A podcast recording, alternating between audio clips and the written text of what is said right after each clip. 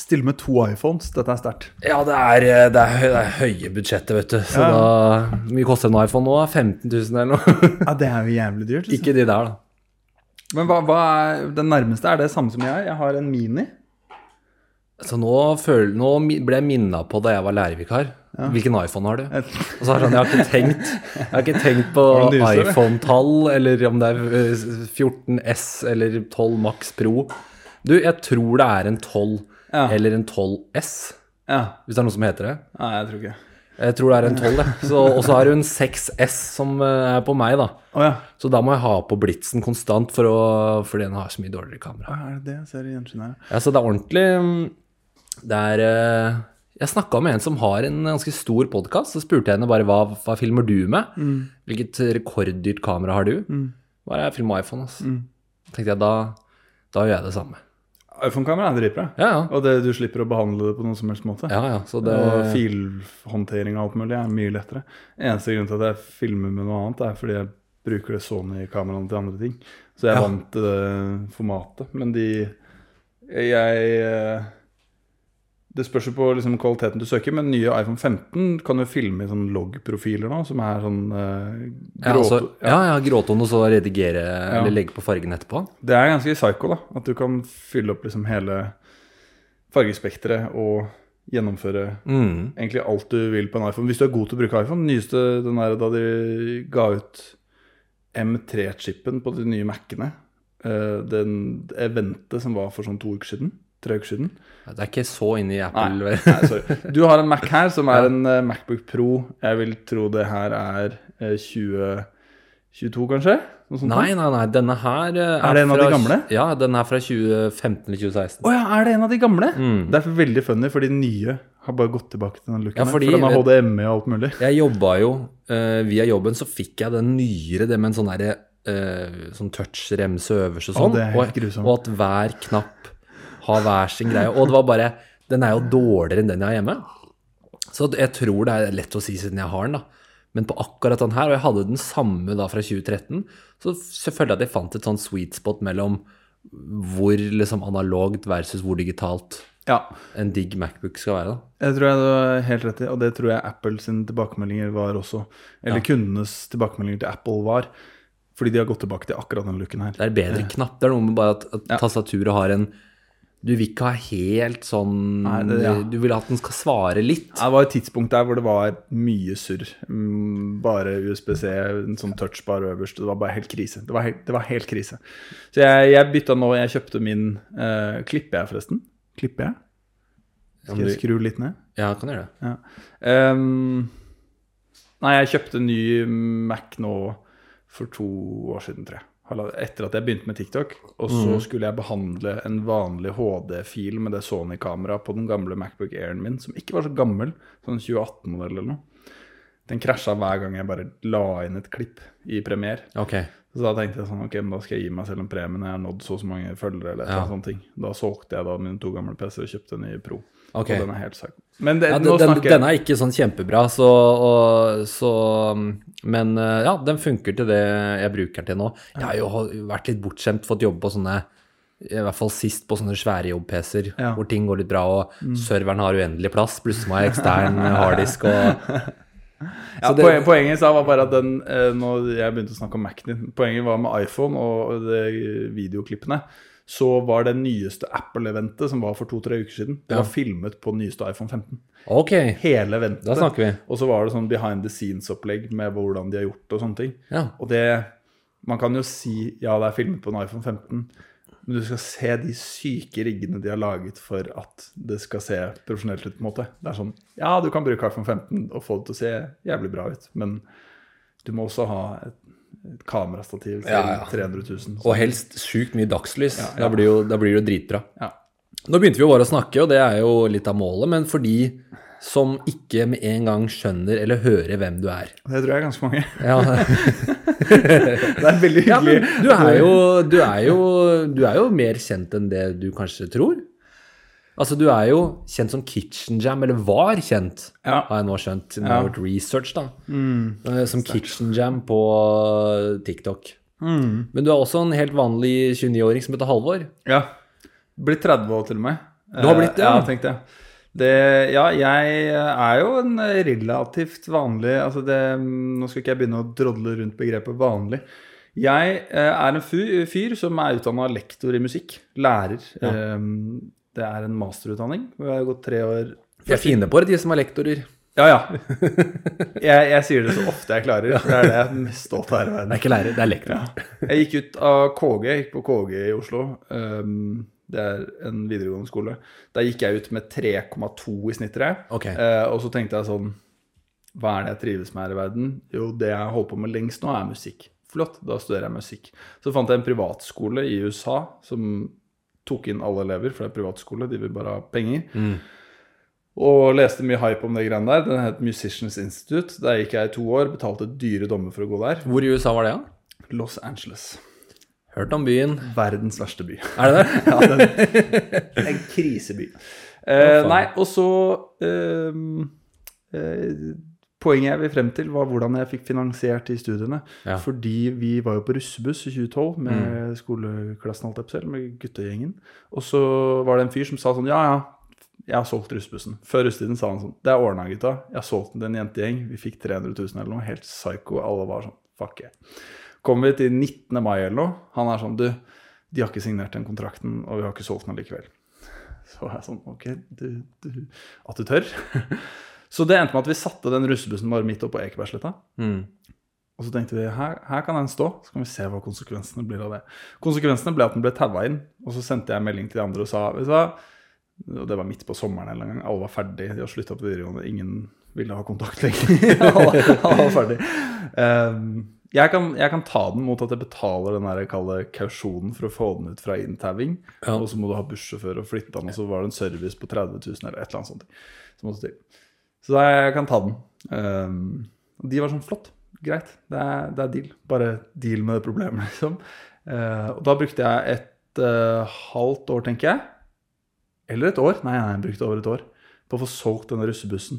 Um, og de pengene jeg fikk for den russebussen, brukte jeg til å betale for studiet i USA, for det har ikke støtte av Lånekassen. Eh, Herregud. Ja, så da fikk jeg en 100 og et eller annet tusen som betalte for det studiet. Litt lignende episode. Jeg satt jo Det var da vi hadde solgt russebussen vår. Jeg tror det var året etter da på bursdagen min. Så hadde de, der hadde, de hadde signert, og, Ja. men vi, vi var litt sånn Jeg hadde ansvar for å selge den, da. Eh, og så sa vi sånn Vi trenger et depositum fra dere for å få betalt mekanikerverkstedregningen. Og det er jo ikke det man skal bruke depositumet til. Men når du bare sier det, og du skriver det Det er sånn, det er ikke noe hem det, Vi skjuler ikke hva vi gjør. Nei. Vi var bare helt transparente. Ja. Den er på 35 000, vi trenger de pengene for å fikse den. For å få solgt den til dere for 200 000. Ja. Og så plutselig så var det et høl i taket eller noe sånt, og da mener jeg ikke opp til og ut. Jeg mener og bare opp i isolasjonen. Og det gjorde at jentene, altså da snakker jeg med 20 ganger 20 cm, ville avbryte salget på 200 000. Hæ? Og vi, dere hører fra oss via advokat og alt mulig sånt, og jeg skalv og ble så nervøs, da. Dette fikk vi ordna veldig lett, men uh, Det er veldig funny med uh, 18 år gamle jenter som sikkert har noe jurist- eller advokatforeldre. og er sånn Du hører fra advokaten min. Ja, men det ble Og, og det var Jeg, det, man, jeg fikk så noia. Og, men det der med bare å få flyttet en buss, og det når alle er ferdig med det, og få noen til å dra tilbake Ja, med faren sin, og det de gjorde han kompisen min, De sa bare 'den som fikser det, får 3500'. Ja. Kom, tok en liksom sponplate. Bor, bor, bor. Hull ikke lenger. Kjøpte og jo også et sånn derre Og et speil mangler, men ikke et utespeil til 20 000, men det speilet som bussjåføren ser i for å så se i midtgangen. Ja, det runde i midtgangen. ja. Det får du på Claes Olsson til 300 kroner. Ja. Så det der 200 000-kontrakten, den blir fiksa for 600 kroner, den. Det, men det der, der sjokket du får, og hvor lite hvor, få, hvor lite ildsjeler det fins Men da, da kan jeg for å, backe, ja, for å backe historien din med at de antageligvis hadde kommet seg unna med det um, hvis de ikke hadde vært greie, da. Med, med altså at dere har en feil som er bitte liten. Uh, dette fortalte jeg da jeg var hos de brødrene Arnes nå, men jeg var i rettssak om at jeg hadde solgt et småbruk uh, oppe i Løten. Det Ja. så jeg. Jeg Ja. skrev det ned. Og så Det matcher egentlig historien her ganske bra, for der var poenget deres at eh, de mente det var fullt av råte på loftet. Huset er fra 1969, og i taksten så har de avskrevet verdien på 50% Dvs. Si at 50% av teknisk verdi er borte, på en måte. Brukt opp, da. Ja. Men i det så var poenget mitt at nei, det er ikke fullt av råte her. Det, det er en uh, 224 som er montert for tett på pipa. Mm. Den er det råteskade i, enig, men den er feilmontert, så den kan du ta bort. Eh, men den har ledet fukt ut i eh, noen planker videre, som også kan byttes. Og så kan du bytte beslaget på pipa. Fikk pris på det. 4500 kroner. Så for 4500 kroner så fikk de hevet kjøpet gjennom to rettsrunder. Eh, I stedet for å enten utbedre eller gi avslag på pris. Og det var det eneste på et loft som hadde avskrevet verdien med 50 da. Som er ganske fascinerende på liksom sånn Nei, det, det går ikke. Og i avhendingsloven Nå snakker vi om noe helt annet enn det vi sikkert skal snakke om. nei, nei, vi snakker om det her. Men i avhendingsloven så er det jo ikke angrerett ved kjøp av bolig. Det vil si at hvis du kjøper den leiligheten her, eh, og så er det et eller annet som er gærent, så har du ikke angrerett, med mindre det er store feil eller mangler. da. Og i det, nå har de vel økt det beløpet sånn at det skal være lettere for kjøper da, å klage. Eh, Men det er fortsatt flere steg som skal til før du får hevet kjøpet. Altså du kan få avslag i pris, eller du kan få skaden utbedret, eller bla, bla, bla. Men i dette her så Hvis jeg prøver å holde tunga rett i munnen nå, så i første runde, tingretten, så vant jeg. Og der var argumentet til tingretten at selvfølgelig, de har kjøpt boligen her. Det er en mindre feil eller mangel. Han har sagt han kan utbedre. Han har gitt masse forskjellige løsninger på hvordan dere kan ordne dette her. Bare hva, hva faen er det du driver med? Unnskyld, dommeren sa ikke det. Jeg, jeg gjenforteller det sånn.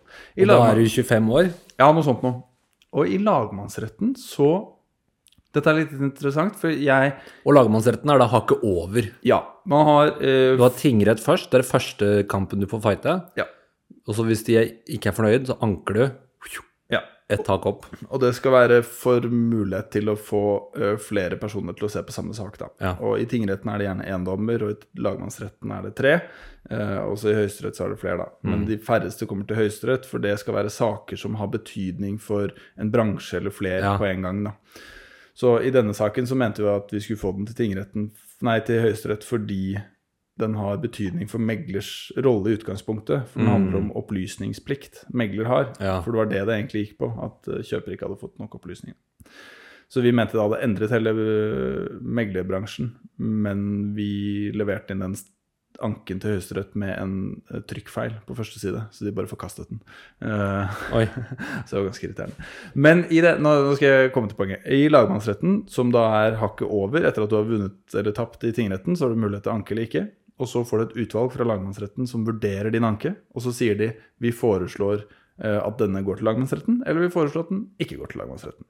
Så først fikk de at de foreslo at den ikke skal gå til lagmannsretten. Da var jeg sånn Fuck igjen, nå har jeg vunnet. Dette er ferdig. ferdig med de greiene her. Kom det en ny dommer og var sånn Nei, nei, la meg se på de greiene her. Han tok saken, og i kort fortalt, da, denne eh, tingretts... Eh, nei, lagmannsrettsdommen endte med at de kjøperne, eller budgiverne, vant gjennom med at de ikke var ansvarlig for å gjennomføre kjøpet av boligen, fordi i avhendingsloven så er det helt rett at du ikke har angret for kjøp av bolig. Men avhendingsloven ligger under paraplybegrepet avtalerett. Mm. Jeg er en musiker som snakker om lover her nå. Ja, ja, men det- du har det med- vært gjennom noen rettssaker. Jeg skjønner at du kan det her. Ta det med en klype salt. Jeg er ingen jurist. Eh, og så vidt jeg har forstått, så under avtalerett der eh, ligger forbrukerkjøpsloven, alle mulige sånne her, mm. lover og regler for handler, så vidt jeg skjønner. Og i avtalerett, der er det angrerett. Og det dommeren mente, var at ettersom det var uenighet om tilstanden til loftet før budet ble inngitt, noe jeg ikke mente det var, for de hadde jo et full tilgang til å se det fem-seks ganger, de var på visning mange ganger, så var det uenighet i premissene for budet som ble inngått. Og derfor var det aldri et bud på en bolig, men en brudd i avtale før budet ble inngått. Og da går du på avtalerett. Okay. Så da har de Å, angret. faen. Men du fikk tilbake Du måtte da ta tilbake gården, da? Ja, da tapte vi. Og så eh, gikk jeg til sak mot DNB, megleren, Ja. som hadde eh, holdt på med dette surret, fordi hun hadde endret den skriftlige kontrakten etter signering, eller budet inngitt, endret forbeholdene. Masse psyko-greier, eh, men DNB tok ansvar. Så Ja. etter fire år så skulle vi egentlig til tingretten, og så ringte de og sa sånn Det her løser vi. Det her gidder vi ikke. Nei. Vi orker ikke noe overskrifter om det greiene her. Å, fy faen. Så det skal DNB ha, da. eh, At de rydda opp. Så egentlig burde jeg kanskje gått på DNB først, da. Ja, da, takk til eh, så Dette var bare en kvarterslang spons eh, for DNB. En ryddig megler. Eh, Megleren var Men- absolutt ikke ryddig, men eh, de eh, Altså, du juristene setter jo de jurist- skrekken i enhver eh, person som er, enten skal kjøpe eller selge når du forteller sånne her eh, skrekkhistorier. Ja, juristene i DNB var ryddige. De Ja. skjønte at dette er ikke verdt å bli en sak om. Jeg, jeg har ikke fått noen munnkurv, så det er derfor jeg snakker om det. Men megler... eh, Altså opplegget rundt DNB der, det var ikke bra i det hele tatt. Men nå selger jeg noe på nytt. Jeg bruker DNB nå fordi de har gode eh, betingelser med dette garantert solgt-greiene på ja, seks ja, måneder. ja, ja. Det- Men det er- hvordan det i er det hele tatt eh, Fordi vi skal jo etter hvert til at du ble en litt sånn Du ble en TikTok-stjerne et år der. På en, og hadde ganske morsomme videoer med både mat og, og bare all mulig sånn fangst, eh, hummer og jakt og tjo og hei. Det var mye greier. Men i bare det at jeg søkte deg litt opp på nettet tidligere i dag, så ser jeg at du Det er jo ikke det første sånn derre Nå slutter jeg jobben og bare gjør noe helt annet. Det er ikke første gangen du gjør det. Og eh, det kjenner jeg meg veldig igjen i. Ja. Den lysten til å gjøre det. ja. Jeg har ikke hatt det motet som eh, du har hatt, da. Men det er derfor jeg vil invitere deg for bare å høre litt om hvor er det du får det motet fra, og hva er det som liksom inspirerer deg til å gjøre sånne ting. Fordi det du sa der, det eneste du kan finne på nett med det, du finner ikke at det kjøpet gikk til helvete. Du finner bare eh, Halvor skal starte festival på et småbruk ja. i lokalavisa Østlendingen. Du må, eh, dine Google-søk må bli videre. Du må gå inn i rettssystemene for de neste okay, gjestene, ja. gjestene, gjestene du får.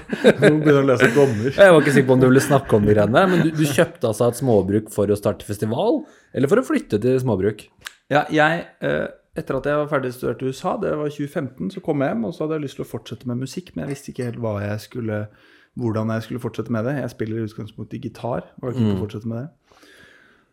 Og så hadde de lærerutdanning faglærer på Hamar og i Bergen i musikk.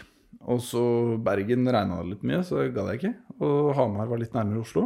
Eh, Så da tenkte jeg da stikker jeg til Hamar eh, og gjør det. For jeg, jeg var ikke dyktig nok til å komme inn på Musikkhøgskolen på utøvende linje. Selv om jeg hadde gått to år utøvende i USA, da. Ja. Så da startet jeg og gikk tre år der, og ehm, det var bra. Første året så fikk jeg hjelp, som jeg har snakket om før. Jeg fikk hjelp til å kjøpe bolig av mamma og pappa. Så jeg var eh, potteblakk da jeg flytta hjem fra USA. Jeg tror jeg hadde sikkert 15 kroner på kortet eh, etter flybilletten. Og så starta jeg å jobbe i Peppes, eh, og så fikk jeg noen betalinger. Og så kom mamma og pappa og sa hei. Nå, det, du, du skal få hjelp til å komme deg inn på boligmarkedet. Bla, bla, bla. I Hamar? Nei, i Oslo, egentlig. da. Okay. Men du kan velge. Du får så og så mye penger. Eh, vi støtter deg, vi står ikke på noen dokumenter, bla, bla, bla. For det var før denne fem ganger inntekt-regelen, så du trengte ikke kausjonist. Du trengte bare å argumentere for banken at sikkerheten er god nok. Ja.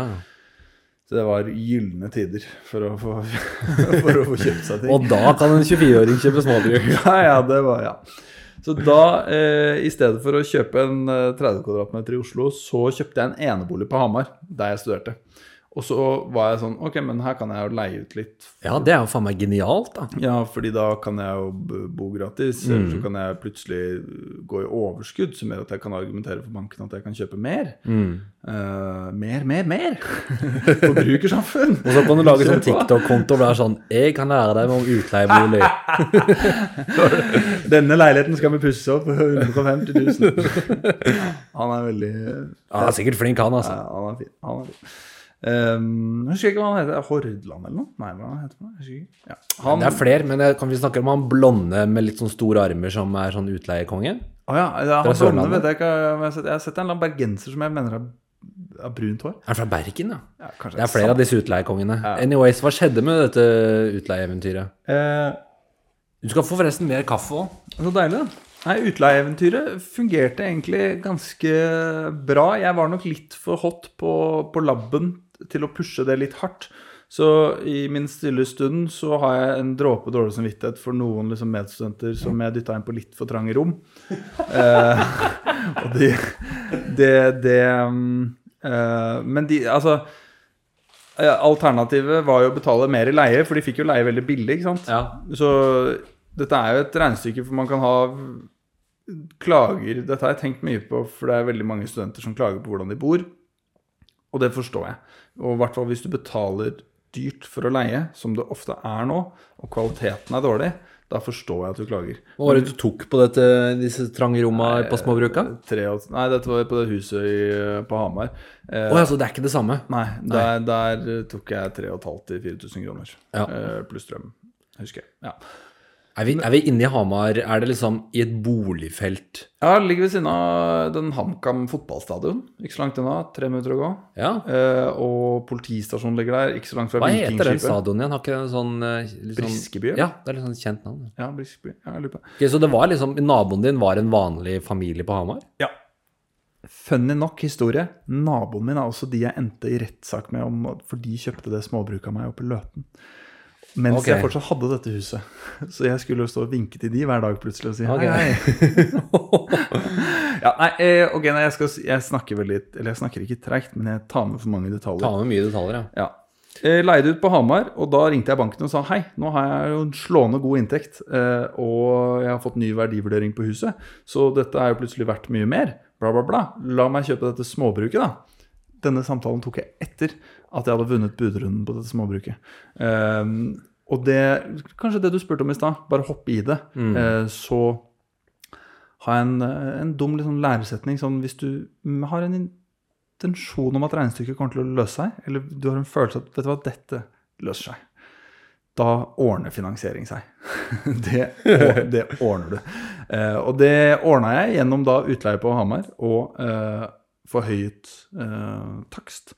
Og da kjøpte jeg meg småbruk med den intensjon om å kanskje ha to stykker boende der òg, eh, for å få liksom, kostnadene litt ned, men å lage kulturarrangementer. Ja. Ja, og det var i Løten, som var kvarter 20 minutter å kjøre fra der jeg bodde fra før. da. Så da beholdt okay. jeg det huset. Så Løten er ikke lenger ute i skauen, da? Nei, Ja, fordi altså, de, eh, nå er vi jo da i, på Hedmark, Ja, ikke Innlandet. Og så er det da, skal du Trysil, inn til høyre, holdt jeg på å si. Ja, det er godt tenkt. fra Hamar, godt tenkt. mot militærleiren. Ja. Før, mili før, El- ja, før Elverum, da er du på Løten, er ikke det riktig? Jo, mellom Elverum og Hamar ligger Løten. Og etter Elverum så kommer du til Trysil hvis du fortsetter retning øst. Og, men du ville ha, når du sier kulturarrangementer, men øh, events for firmaer, liksom? Jeg, jeg vil bare lage Jeg tror ideen bare var å lage Jeg drev med musikk på tidspunktet, så jeg ville bygge musikkstudio. Mm. Ja. Eh, Jeg drev med festival. Drev med, er helt feil å si. Jeg hadde lagd en festival med noen venner før. Mm. Så det var vi keen på å gjøre på nytt. Det var veldig liksom Det var First Price-versjonen av alle arrangementer du har vært på. Ja. Og så var ideen at nei, men hvis vi har vårt eget sted, da er det jo dette en lek. Ja. Eh, og første festivalen jeg gjennomførte, var i Sandefjord, på hytta til mamma og pappa. Og så var det sånn, det var dritgøy, men det er kjedelig å ha det et sted hvor det ikke er ditt. Hvor du ikke får liksom fri tilgang til Å Ja. nei, jeg vil male den veggen. Eller Jeg kan ikke bare sånn. sage hull i taket, liksom. Og det var akkurat det jeg var keen på. Uh, så det var det jeg gikk for opp i Løten. Og så, etter to år der, så kom jeg inn på master på Musikkhøgskolen. Og da skulle jeg flytte til Oslo. Og da hadde jeg lyst til å kjøpe meg leilighet i Oslo. Og da hadde jeg ikke råd til å ha mm, det greiene småbruket stående. Men Da hadde du både Hamarhuset og gården. Og så var jeg keen på å kjøpe leilighet i Oslo, og så mente jeg jo, samme som jeg sa i stad, at banken det, eller en bankkontakt Dette løser seg. Dette, dette her, du kommer til å få betjeningen din Ja. en gang i måneden. Jeg bare vet ikke helt hvordan ennå. Eh, men han sa nei, det kan du bare drite i. Nå må du selge småbruket. Ja, ja. Eh, hvis du skal ha det. Ja. Så det var jeg veldig lei meg for. Det, jeg trenger ikke fortelle det som noen sår historie. Det, det var tidenes luksussituasjon. Jeg hadde Ja. fått hjelp til å komme inn på boligmarkedet, og så hadde jeg utnyttet den situasjonen til maks ved å bare pushe grensa alt jeg kunne. ja, for du er jo på vei til å bli en skikkelig eh, en investor, en ung ung Ivar Tollefsen her. Ja, og så likte jeg ikke det i det hele tatt. Um, det var um, veldig deilig månedlig å få liksom, penger inn, men uh, det var mye styr og litt sånn kapitalistiske spørsmål dine der som jeg ikke helt digga. Og så ja. Det var en periode på TikTok hvor jeg fikk altså så mange videoer om eh, hvorfor man burde drive med boligutleie, og hvorfor boligutleie er ditt og datt og sånn, og det er så bra, bra, bra. Og så tenker jeg ok, prøve å se på noen regnestykker her i Oslo, og det er en sånn utleiekalkulator for kjøp og alt mulig sånn. Og så tar de liksom ikke med ligningen. Og det kan hende det bare er at jeg som er lat, da. Men det der, ok, kjøper du et hus i Porsgrunn ved siden av universitetet som er der, Ok, hva når fugene på badet skjer? Altså, du må jo kjøre dit og ordne det. Det er masse ja, det er jobb. Ta hele, hele bekymringsbiten, da. Ja. Det er jo en del ting der òg. Ja, og eh, det som var dumt, for, eller dumt med måten jeg gjennomførte det på, var at jeg gjennomførte en mellomting. Jeg kjørte ikke på med liksom Ok, men da skal jeg bygge om dette til full utleie, og så drifter jeg det i et AS eller et enkeltmannsforetak og har struktur på dette. Eller å ikke drive med det, på en måte. Jeg gikk for en mellomting hvor jeg var sånn Jeg leier ut litt, men jeg bor der også litt. Og det er litt rart for de som leier, og det er litt rart for meg. Og så er det litt sånn halvstruktur. Og så er jeg jo full av ADHD og diverse greier som gjør at jeg ikke nødvendigvis er så god til å holde orden i alle eh, regnskapsting. Som bare er en øvingsting, åpenbart. Men da ble det sånn ja, Ting ble gjort veldig halvveis, da. Eh, og det har faren min vært ganske streng på. At hvis du skal drive med noe, så må du Da må du drive med det. Og så må du gjøre det så bra du kan. Ja. Og så må du ikke late som du skal drive med ti forskjellige ting samtidig. Han har vært streng med det med deg, Ja. eller bare med alle? Ja, sikkert med flere, men i hvert fall med meg. Men det er nok fordi huet mitt er veldig mange steder, da. Ja, fordi du det, Vi skal jo litt innom alle ting. Du er jo en utrolig sånn eh, en, en kickstarter. Du Ja. som får ting i gang. Ja. Jeg tror, så inn i helvete òg. ja, jeg tror jeg hadde vært øh, Det hadde vært bra å leide meg inn til å få, få i gang prosjekter. Og så sparka meg så fort som mulig etter det.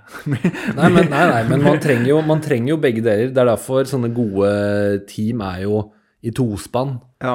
Nå skal jeg dra en historie fra et sted jeg jobbet, som da var eh, som rådgiver for Petter Stordalen. Og da ble jeg helt forført av de derre uh, Var du rådgiver for Petter Ja, Stordalen? for, innenfor sosiale medier og Jævlig kommunikasjon gøy. og sånn. da.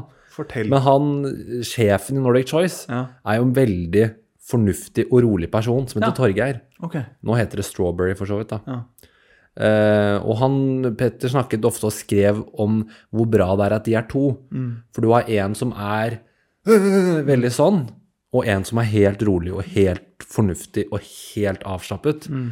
Så det derre Og jeg har en kompis også som driver startup nå, hvor du har en som han er så opptatt av detaljer, Mm. Og er veldig, kan sitte helt i sin egen verden lenge. Og så har du en som er ute og selger og prater, hvor det, hvordan det, man er litt avhengig av å være to. Ja. Eh, fordi Eller det er iallfall er lettere å lykkes Ja. hvis du har en som på en måte veier opp for ens egne dårlige ferdigheter. ja. Så hvis jeg gjør et eller annet og å, det er flaut og, og syns det er fælt, Mm. så hadde jeg trengt en som sier det er ikke så farlig. Ja. Eh, og liksom eh, Og det er jo så Du er jo bare en super-kickstarter som trenger eh, Eller som Og hvis man hadde hatt en fornuftig, kjedelig bror som Du har jo Du sa jo at du hadde en Jeg en, bror. jeg har en fornuftig, kjedelig bror. Det er akkurat det jeg har. Har dere få Eh, dratt han inn?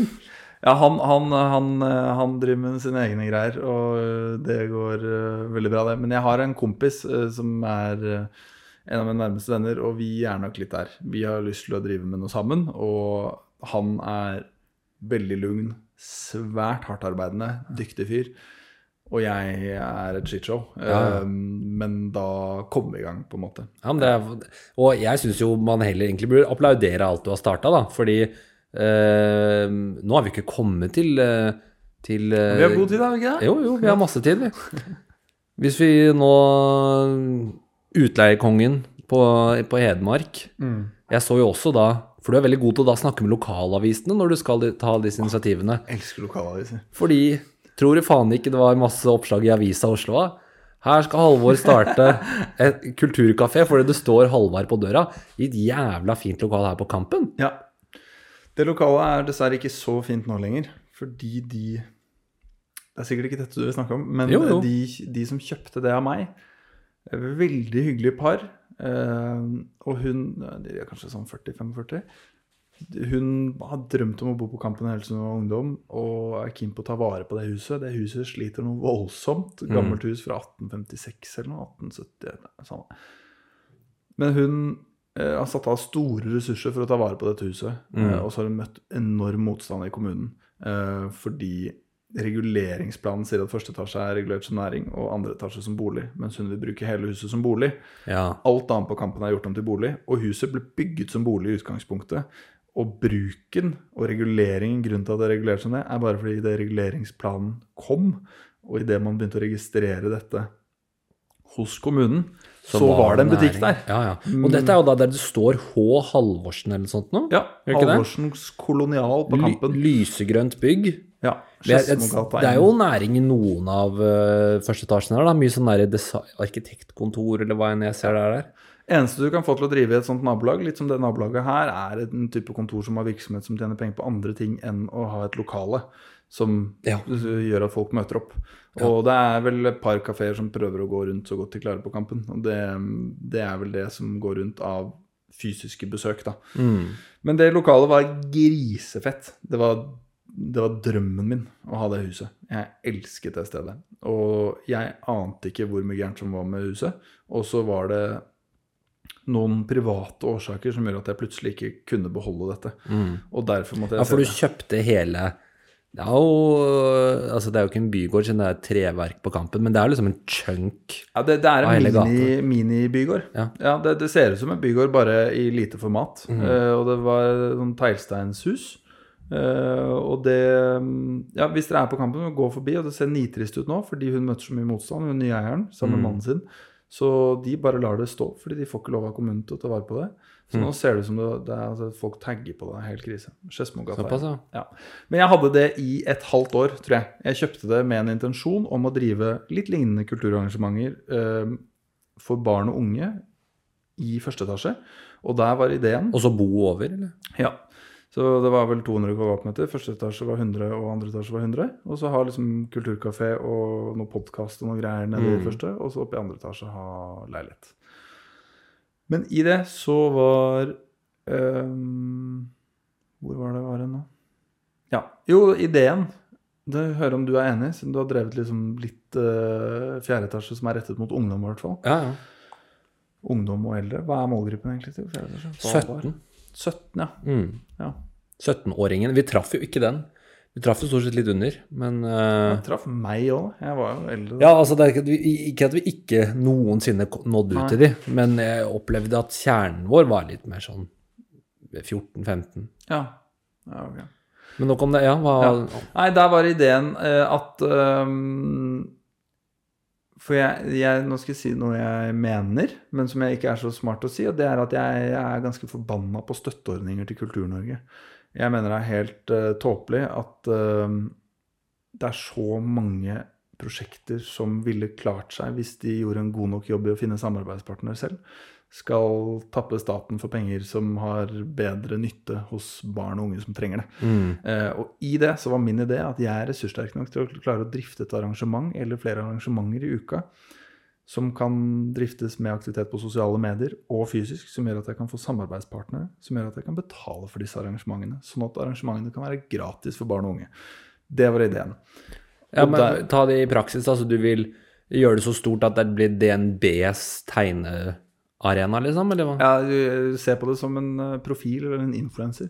Eh, hele konseptet baserer seg på å drifte, akkurat som influensere lever, eh, at eh, jeg bygger opp en plattform på nett Mm. med aktivitet fra noe som skjer fysisk. Mm. Informasjon og arrangementer og bla, bla, bla, som er interessant for ungdom. Ok, så liksom det grønne huset på kampen, Ja.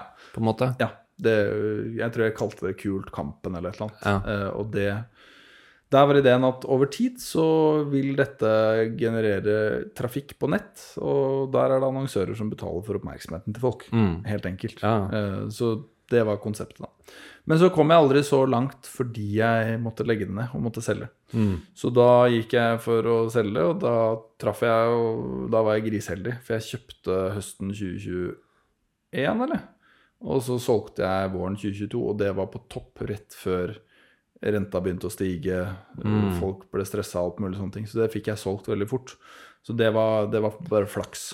Ja. Nice. Altså oppi alt, for Det høres jo litt ut som kaoshistorie, men du driver jo også og kjøper og selger store eiendommer i et stigende boligmarked, så man blir jo noe penger av de greiene her òg, da. Ja, det jeg um, øh, Ja, der jeg kjøpte det for 11, tror jeg. 11-1 eller noe. øh, det, det huset på Kampen. Og så et halvt år etterpå så solgte jeg det for 13.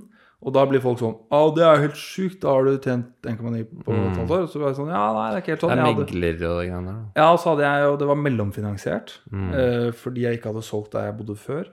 Så jeg betalte vel 450 000 i renter eller et eller annet. Masse Såpass, surr. Så du trenger ikke å gå inn på det Ja, regnestykket men der, så men lenge ikke man går personlig kjempekonkurs, så Ja. er man jo glad for at det bare Ja.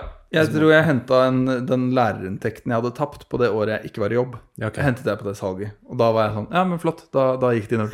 da, gikk, det greit å Ja, slutte jobben. For det, ja. Men jeg, du, det står jo i mange av disse sakene Nå er ikke Halvor lærer lenger, nå er han matinfluenser, eller det står sånne ting. Og i hodet mitt så har det alltid vært en sånn tanke om at hvis jeg og da jobber som journalist, prøver å gjøre litt sånn humor, står litt standup, alle mulige sånne ting, tenker hvis jeg får nok av dette, hvis jeg får nok av Oslo og alt sånt her, så bare flytter jeg til landet og blir lærer. Mm, Fantastisk. jeg har vært, fordi, og jeg tenker jo at musikklærer, eller gymlærer, da, mm. er jo min liksom Å kunne være musikklærer, gymlærer, heimkunnskapslærer, Det er det er jo faen meg drømmen. Ja, det er drømmen. Altså. Det er jo så Ja, for du er lærer igjen nå, eller? Ja, jeg, jeg skal Er og er. Jeg jobber litt som lærer, ja. Eh, på denne folkehøgskolen som jeg jobbet på etter studiene. Etter at jeg var ferdig på bachelor på Hamar okay. og starta på master, så fikk jeg også praksis siste året bachelor på folkehøgskolen i Elverum. Og så fikk jeg jobb etter det. Ah, ja. Så mens jeg tok masteren i Oslo, så jobbet jeg 100% som lærer på folkehøgskolen i Elverum. Fordi jeg syns det var så Fordi jeg hadde jo kjøpt da i Ja, Oslo, ja. og da sa han fyren i banken nå må du begynne å tjene penger. Eh, så var jeg sånn ja, da er det bare å begynne å jobbe, da. Så da jobbet jeg der, og så jobbet jeg der i to, ett eller to år etter at jeg var ferdig med master også. Okay. Og så sa jeg opp da våren 2021 fordi jeg var keen på å gjøre disse prosjektene som vi snakker om nå. Ja. Vi har jo ikke engang begynt på TikTok, vet du. Uh, altså, du, men nå er du eh, Men du er, ikke, er du lærer her i byen, eller? Nei, da er jeg tilbake der og er vikar der. Så du bor de- på Elverum? Når de trenger hjelp. Ja og nei. Jeg bor på Løkka. Her Ok. eh, tok kvarter å gå. Uh, Men Eller der har jeg leid en leilighet. Eh, Og så har jeg nå et nytt småbruk oppe i Elverum. Eh, Sammen, sammen med en ekskjæreste. Jeg anbefaler ikke å kjøpe småbruk sammen. Nå vet jeg ikke om enten om du For du er 30 år, enten om du får eh, For dette blir jo helt kaos. Enten om du har gjort veldig mye, eller om det er måten du forteller det på som gjør at det virker som du har gjort veldig mye. For jeg tror alle, alle har jo flyttet litt her og der og der og der. Ja, men jeg har flyttet for mye. Jeg, jeg tror jeg regna på det en gang. Jeg tror jeg har flytta 16 ganger eller 20 ganger eller et eller annet sånt ting. Siden jeg flyttet hjemmefra med liksom ulike punkter. Det er ikke det at jeg har byttet studie så ofte, eller sånne ting. Jeg bare Og det kan være tilbake og fram og tilbake på de samme stedene, på en måte. Men det har vært det har vært megashitshow. Og det er, det er ikke Det er kun Ja, men jeg har kanskje flytta ti ganger. Når jeg studerte, måtte jeg flytte hvert år. Ja, det er dritbra. Holdt jeg på å si. Eh, nei, vi, må- vi, det var litt sånn det måtte bare bli. Ja. Og hvis man teller med utveksling og sånn, så blir det fort sånn ti Ja, ganger. ikke sant? Det blir fort ganske mange. Ja. Men jeg har en sånn ganske uro inni meg hvor jeg eh, sitter et sted, og så blir jeg sånn Shit, det virker som livet å bo på landet, ass. Altså, det virker helt fantastisk. Det Der, der kommer jeg til å få det bra der. Hvis du leser noe som er hjemme hos mine svigerforeldre, Ja. Lev landlig, Ja. og du ser en 45 år gammel dame, Trine, Mm. som har flytta til småbruk, fått seg strikkagenser og holder rundt koppen sånn her, Ja. og myser ut av vinduet, da tenker du Hvis jeg kan bare låne livet til Trine, Det er akkurat det. da kommer jeg aldri til å være lei meg igjen. Ja, det er akkurat det. Og mitt yndlingsprogram er jo Der ingen skulle tro at noen kunne bo. Ja. Og eh, alle Monsen-programmene. Og, men det, når jeg har litt dårlig impulskontroll, da, så gjør det til at jeg gjør noe med det. For da, da, da er ikke automatikken at jeg er sånn Å, men kanskje jeg, kanskje jeg bare skal dra på en eller annen hytte en uke for å oppleve det. Jeg blir sånn Nei, nå skal jeg, nå skal Kanskje jeg jeg skal selge alt. Ja. Nå, skal, nå skal jeg kline til. Og så kommer jeg dit, og så sitter jeg der en uke, og så er jeg sånn Ja. Det Men- var jo helt ok, men- det greiene her. Hvis du elsker eh, Der ingen skulle tro at noen kunne bo, fikk du ikke altså meganoia av episodene med Tor Evert, eller hva han heter? Det husker jeg ikke. Det er han derre fyren Fy fader. Han irriterer meg så jævlig. Folk er sinte på influensere. Folk er sinte er- på Kanye West og sånn. Jeg er sint på Tor Evert på Der ingen skulle tro at noen. Det er han derre fyren som blir sammen med dama si på en sånn silent retreat under korona. Det har jeg ikke sett. Har du ikke sett han? Og så kjøper han en Er det han dansken? Nei, hun er dansk. Hun. Ja, jeg liker ikke den gjengen her. Nei, Nei. vet du hva? Er. Han Og han bor inni den låven og driver Ja, og pusser opp. Ja, han, ja. altså, noe han bor inni den låven og bygger en liten leilighet, og så blåser det så fælt, og så insisterer han på å gjøre alt på gamlemåten. Og så Jeg kan jo ikke hele historien hans, men det, fra TV så virker det som om kona blir litt neglisjert. Han er litt dårlig til å ha eh, oversikt over hva som er mulig å få til. Ja. Og så har de valgt å lage tre episoder med han. Ja. Vanligvis er jo Der ingen skulle tro at noe kunne bro noe du får litt ro av å se på. Jeg sitter bare og stresser og ser på Tor Evert, og det blir vinter, og hun blir gravid, og ingenting er klart, og fy faen. Han Og det er jo sånn, de gifter seg hele pakka, men så blir man sånn, ja Men hun er Det ikke er vel en skilsmisse ja, her er er helt, du, du hører litt sånn Ja, hvordan går det med deg da, Line? Hun dansken er sånn yeah. Hun er ikke helt fornøyd, da. Og så er liksom ikke det stedet er ikke så fint. Det er helt Nei, nei. Det er, Men det var jo konseptet hans, var det ikke? At han skulle finne liksom det billigste Han fikk det vel gratis eller noe, dette stedet? Men ja. det, og det her er jo Og det er lett å si for meg som ikke tar de, den typen sjanser i samme grad, men eh, hvis et hus koster 100 000, så er det ofte en grunn til at det koster 100 000. Det kan hende at det er lurere, selv om det er på bygda, å kjøpe det til 1,5 millioner, og så ha lån på det, og så slippe å liksom bygge opp de verdiene. Da. Du tenker smart. Eh, Ja, men det, det er lett å sitte og si når jeg sitter her, da. Ja. Jeg skjønner jo at uh, Trevert var jo ja, han, han han- han- Er det ikke han heter? Han trengte jo Han ville ha den challengen, da. Ja, han, ville helt tilbake. Og han, han har nok gått Han har nok klint til i mye større grad enn det jeg har gjort på det greiene der. For jeg har, jeg har skjønt at jeg på en måte må ha elektrisitet og vann og avløp. Um, det, det Men jeg kan godt ha tilgang på bygg som ikke har det. Fordi da kan jeg gå inn der en ettermiddag og sitte Ja. og lese bok foran peisen. Ja. Og så kan jeg late som jeg lever på 1800-tallet. Sånn som der oppe i småbruket i Elverum nå, så er det en sånn kårbolig hvor det ikke er strøm og vann og sånne ting. Ja. Så kan jeg gå inn og fyre og sette meg der, og så kan jeg få en indre ro av det. Mm. Men så er jeg fortsatt 5G på mobilen, og jeg kan gå inn i kåken og legge meg i badekaret, på en måte. Ja. Så det, det jeg, jeg er nok en moderne og First Price-versjon av alle sånne folk som er keen på å bo landlig før, da. Så, så, så du han der ene på Der ingen skulle tro at noen kunne bo, som eh, likte å gå i fjellet naken? Ja, hva var det? Han drev og, og så drev han og lempa noen sånne Jeg tror han gjenbygde noen sånne ordentlig gamle eh, La meg prøve å si det riktig. Se for deg en bunker bygd av et steinaldermenneske. Altså en liten sånn eh, en, en lite gjemmested på fjellet hvor du kan ligge. Og så er målet at en reinflass skal komme over. Og så skal du hoppe ut av denne lille bunkeren og ambushe en rein. Så han drev og bygde opp sånne små gjemmesteder i fjellet. Kliss naken. Og lempa sånne svære, tunge steiner. Og jeg sitter jo og er livredd for han skal få liksom tissen i klem. For dette er snakk om sånn 20 kilo Har du ikke sett det klippet her? Og han, hater, han er betale skatt. Så han hater alt mulig sånt, da. Han, den episoden må du se. Jeg har gått inn, og så er jeg helt sporadisk bare trykket Ok, Du har ikke sett systematisk, nei? altså. Men jeg har sett uh, ganske mye i starten og ganske mye på slutten. Uh, og det er litt fordi fra første episode eller et eller annet uti der, så er det fra der mamma er fra, som er ved Vik i Indrefjord, eller Arnafjord. Eh, Finnabotn er det en episode som er helt psycho. De, Ja, for noen av episodene er fantastisk. Du burde jo se han derre det, gode- det bondeliv, han derre dansken. Har du ikke sett han? Han, heter, han er ganske svær i Danmark. Han handler om en danske som driver en gård på liksom gamlemåten. Oi. Men han har jo Jeg tror han har penger fra foredragsvirksomhet til å funde mye av det her. Men han er altså så jævlig driftig og flink. Ok, så fett. Og det er det som liksom holder det gående. Han eh, sår korn på gamlemåten. Ja. Han bygger ting på gamlemåten, men han kan det. Ja, Eller han liksom Han er veldig åpen når det går dårlig, da. Ja, det, det, Det burde du sjekke ut. Han er litt lik deg. ja, men det, det, ja, jeg kan det ikke, da. Eh, Så det er bra å sjekke ut noen som kan det. Det, er veldig positivt. Men når han gjør det, så, så ser det så lett ut. Ja. Nei, jeg har en Faren min er byggingeniør. Jeg tror hans eh, største Ikke, det er løgn. Men eh, hans lille skuffelse her i verden er at jeg ikke har tatt byggfaget eh, på liksom det dypeste alvor. Jeg ble ikke tømrer eller sånne ting. Det, og han, han har aldri sagt at han ville at jeg skulle bli det. Men idet jeg begynte med litt utleie og sånn, eh, så var han sånn Halvor, da, da må du lære deg byggfag. Det verste han veit, er sånne bolighaier som bare øh, kjører det opp uten å kunne noen ting om bygg, og så blir det dårlig kvalitet og blir det dårlig resultat og bla. bla.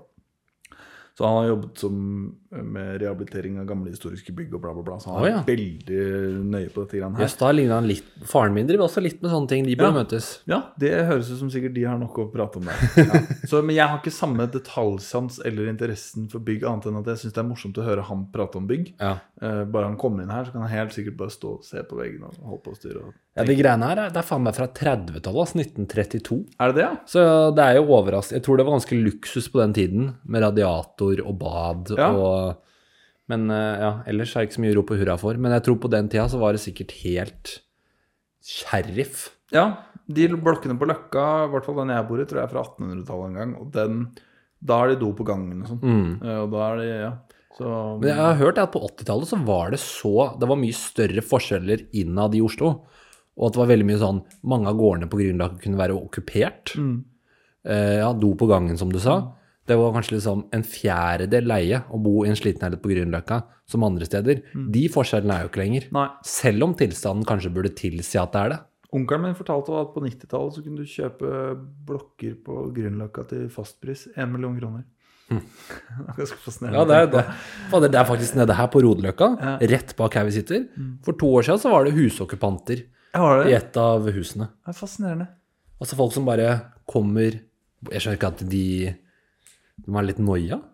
De, de, jeg tenker Når du har kommet til et punkt i livet hvor du okkuperer hus, så har du så få andre bekymringer.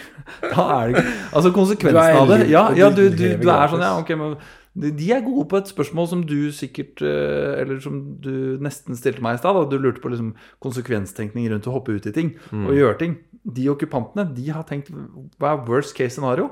Jo, worst case scenario er jeg blir tatt inn av politiet, og jeg får en eller annen dom for å ha okkupert et hus. Flott. Det er maks Det er status i miljøet, det. ja, sikkert status som miljø og maks ett år i eh, fengsel eller et eller annet. Jeg tror, bare de jeg tror folk blir bare glad hvis de peller seg ut. Ja, ikke sant. Men det er litt eh, konsekvenstenkning med å hoppe ut i prosjekter. Da. Så blir man sånn Ok, men hva er det verste som kan skje hvis du slutter jobb, da? Mm. Nei, det er jo at det går til helvete, og du må starte jobb igjen, da. Ok, ja, men da går det bra.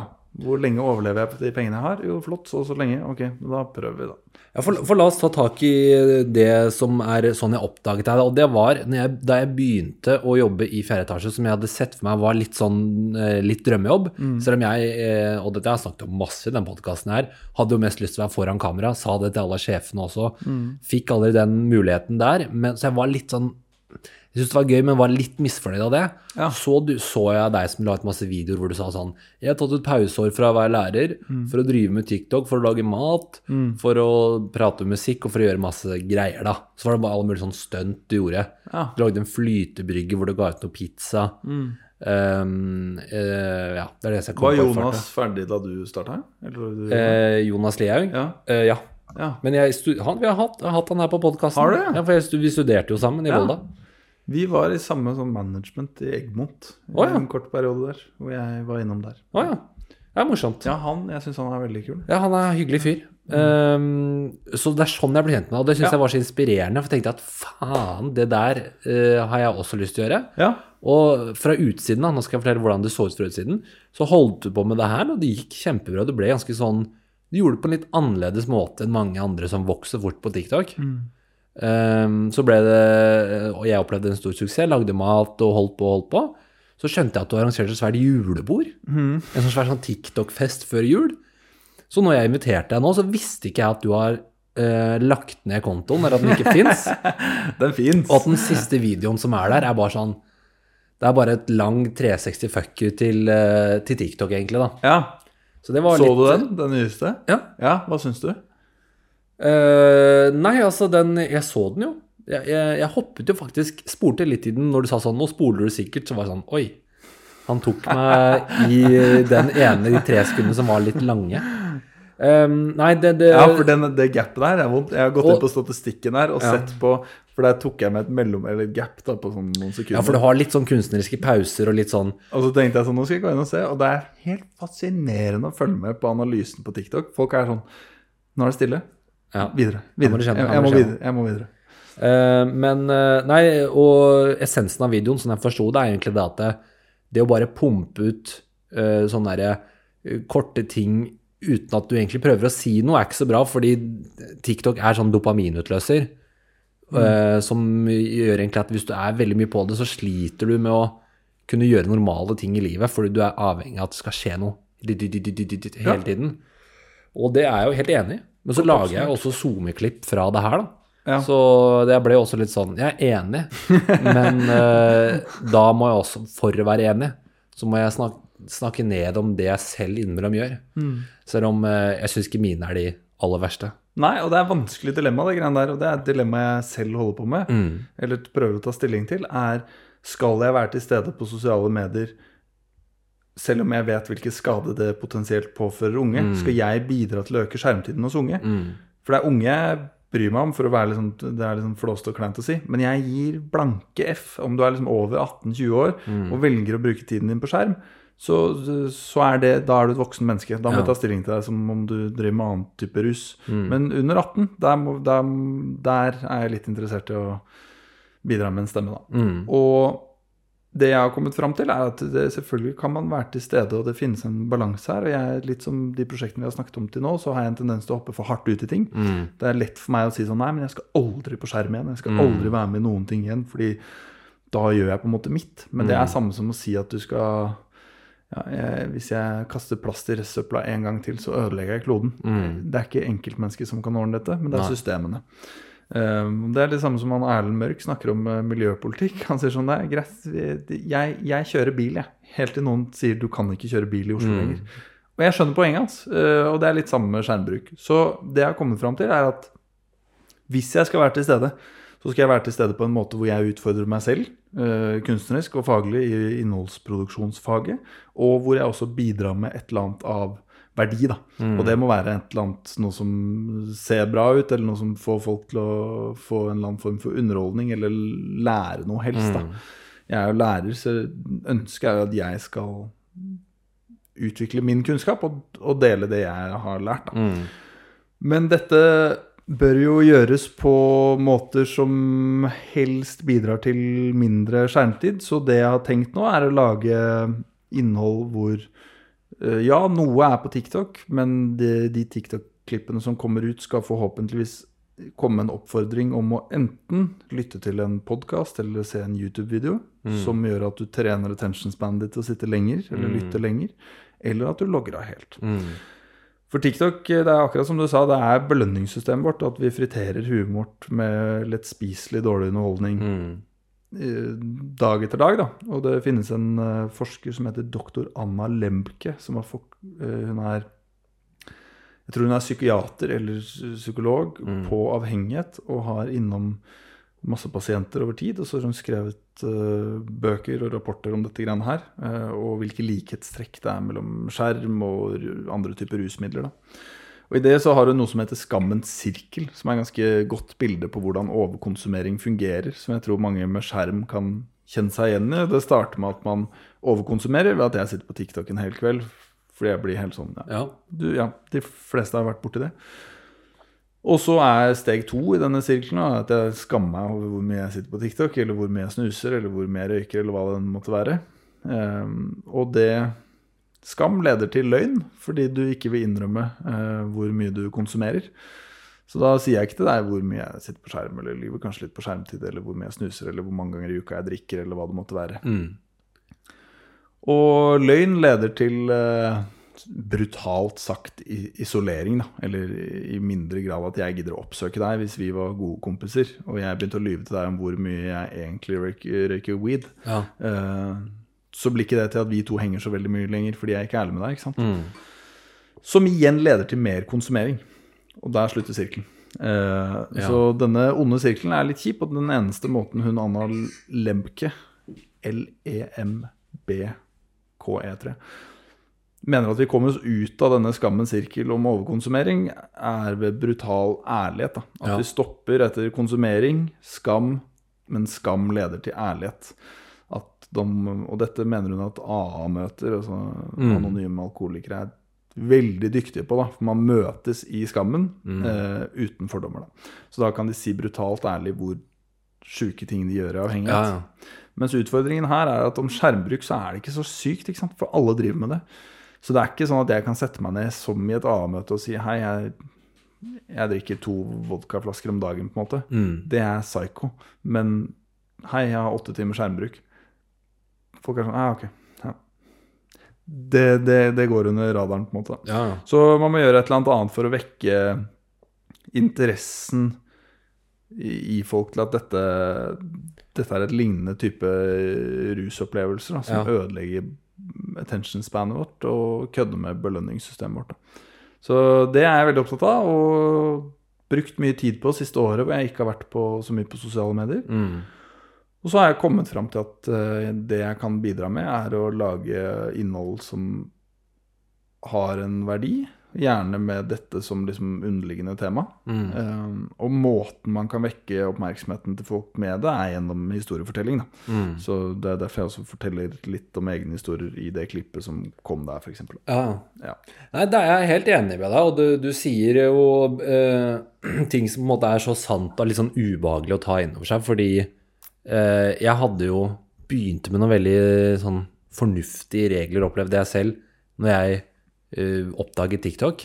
Syns jo det var veldig rart i starten, og syntes det var møkkadrit. Eh, begynte jeg å jobbe et sted hvor jeg måtte være på det, så sa jeg Da setter jeg på timeren, og det har jeg begynt å gjøre igjen nå. Ti minutter. Og så er jeg i ti minutter, og når den ringer, så må jeg ut. Det er liksom regelen, da. Og det funker overraskende bra. Og du kan, hvis man er helt får helt abstinenser, gi deg selv fem minutter til en senere anledning, da. Men det er hvis ikke den kommer ned og ringer, så blir du bare faen meg Altså, tiden Du glemmer jo helt tiden, og du, det blir helt sånn komisk hvor fort du er langt nedi der. Det, det er og eh, Nå skal du, nå skal du Unnskyld at jeg avbryter deg. Ja. I det akkurat du sier nå, så kom jeg på en ting som du skal få med. Nå skal du få en liste med ting som jeg mener er ganske sånn psykopatiske trekk ved tech-gigantene. Ja. Som eh, kanskje kan være til hjelp slash skremselspropaganda. for Ja, ja, kjør på.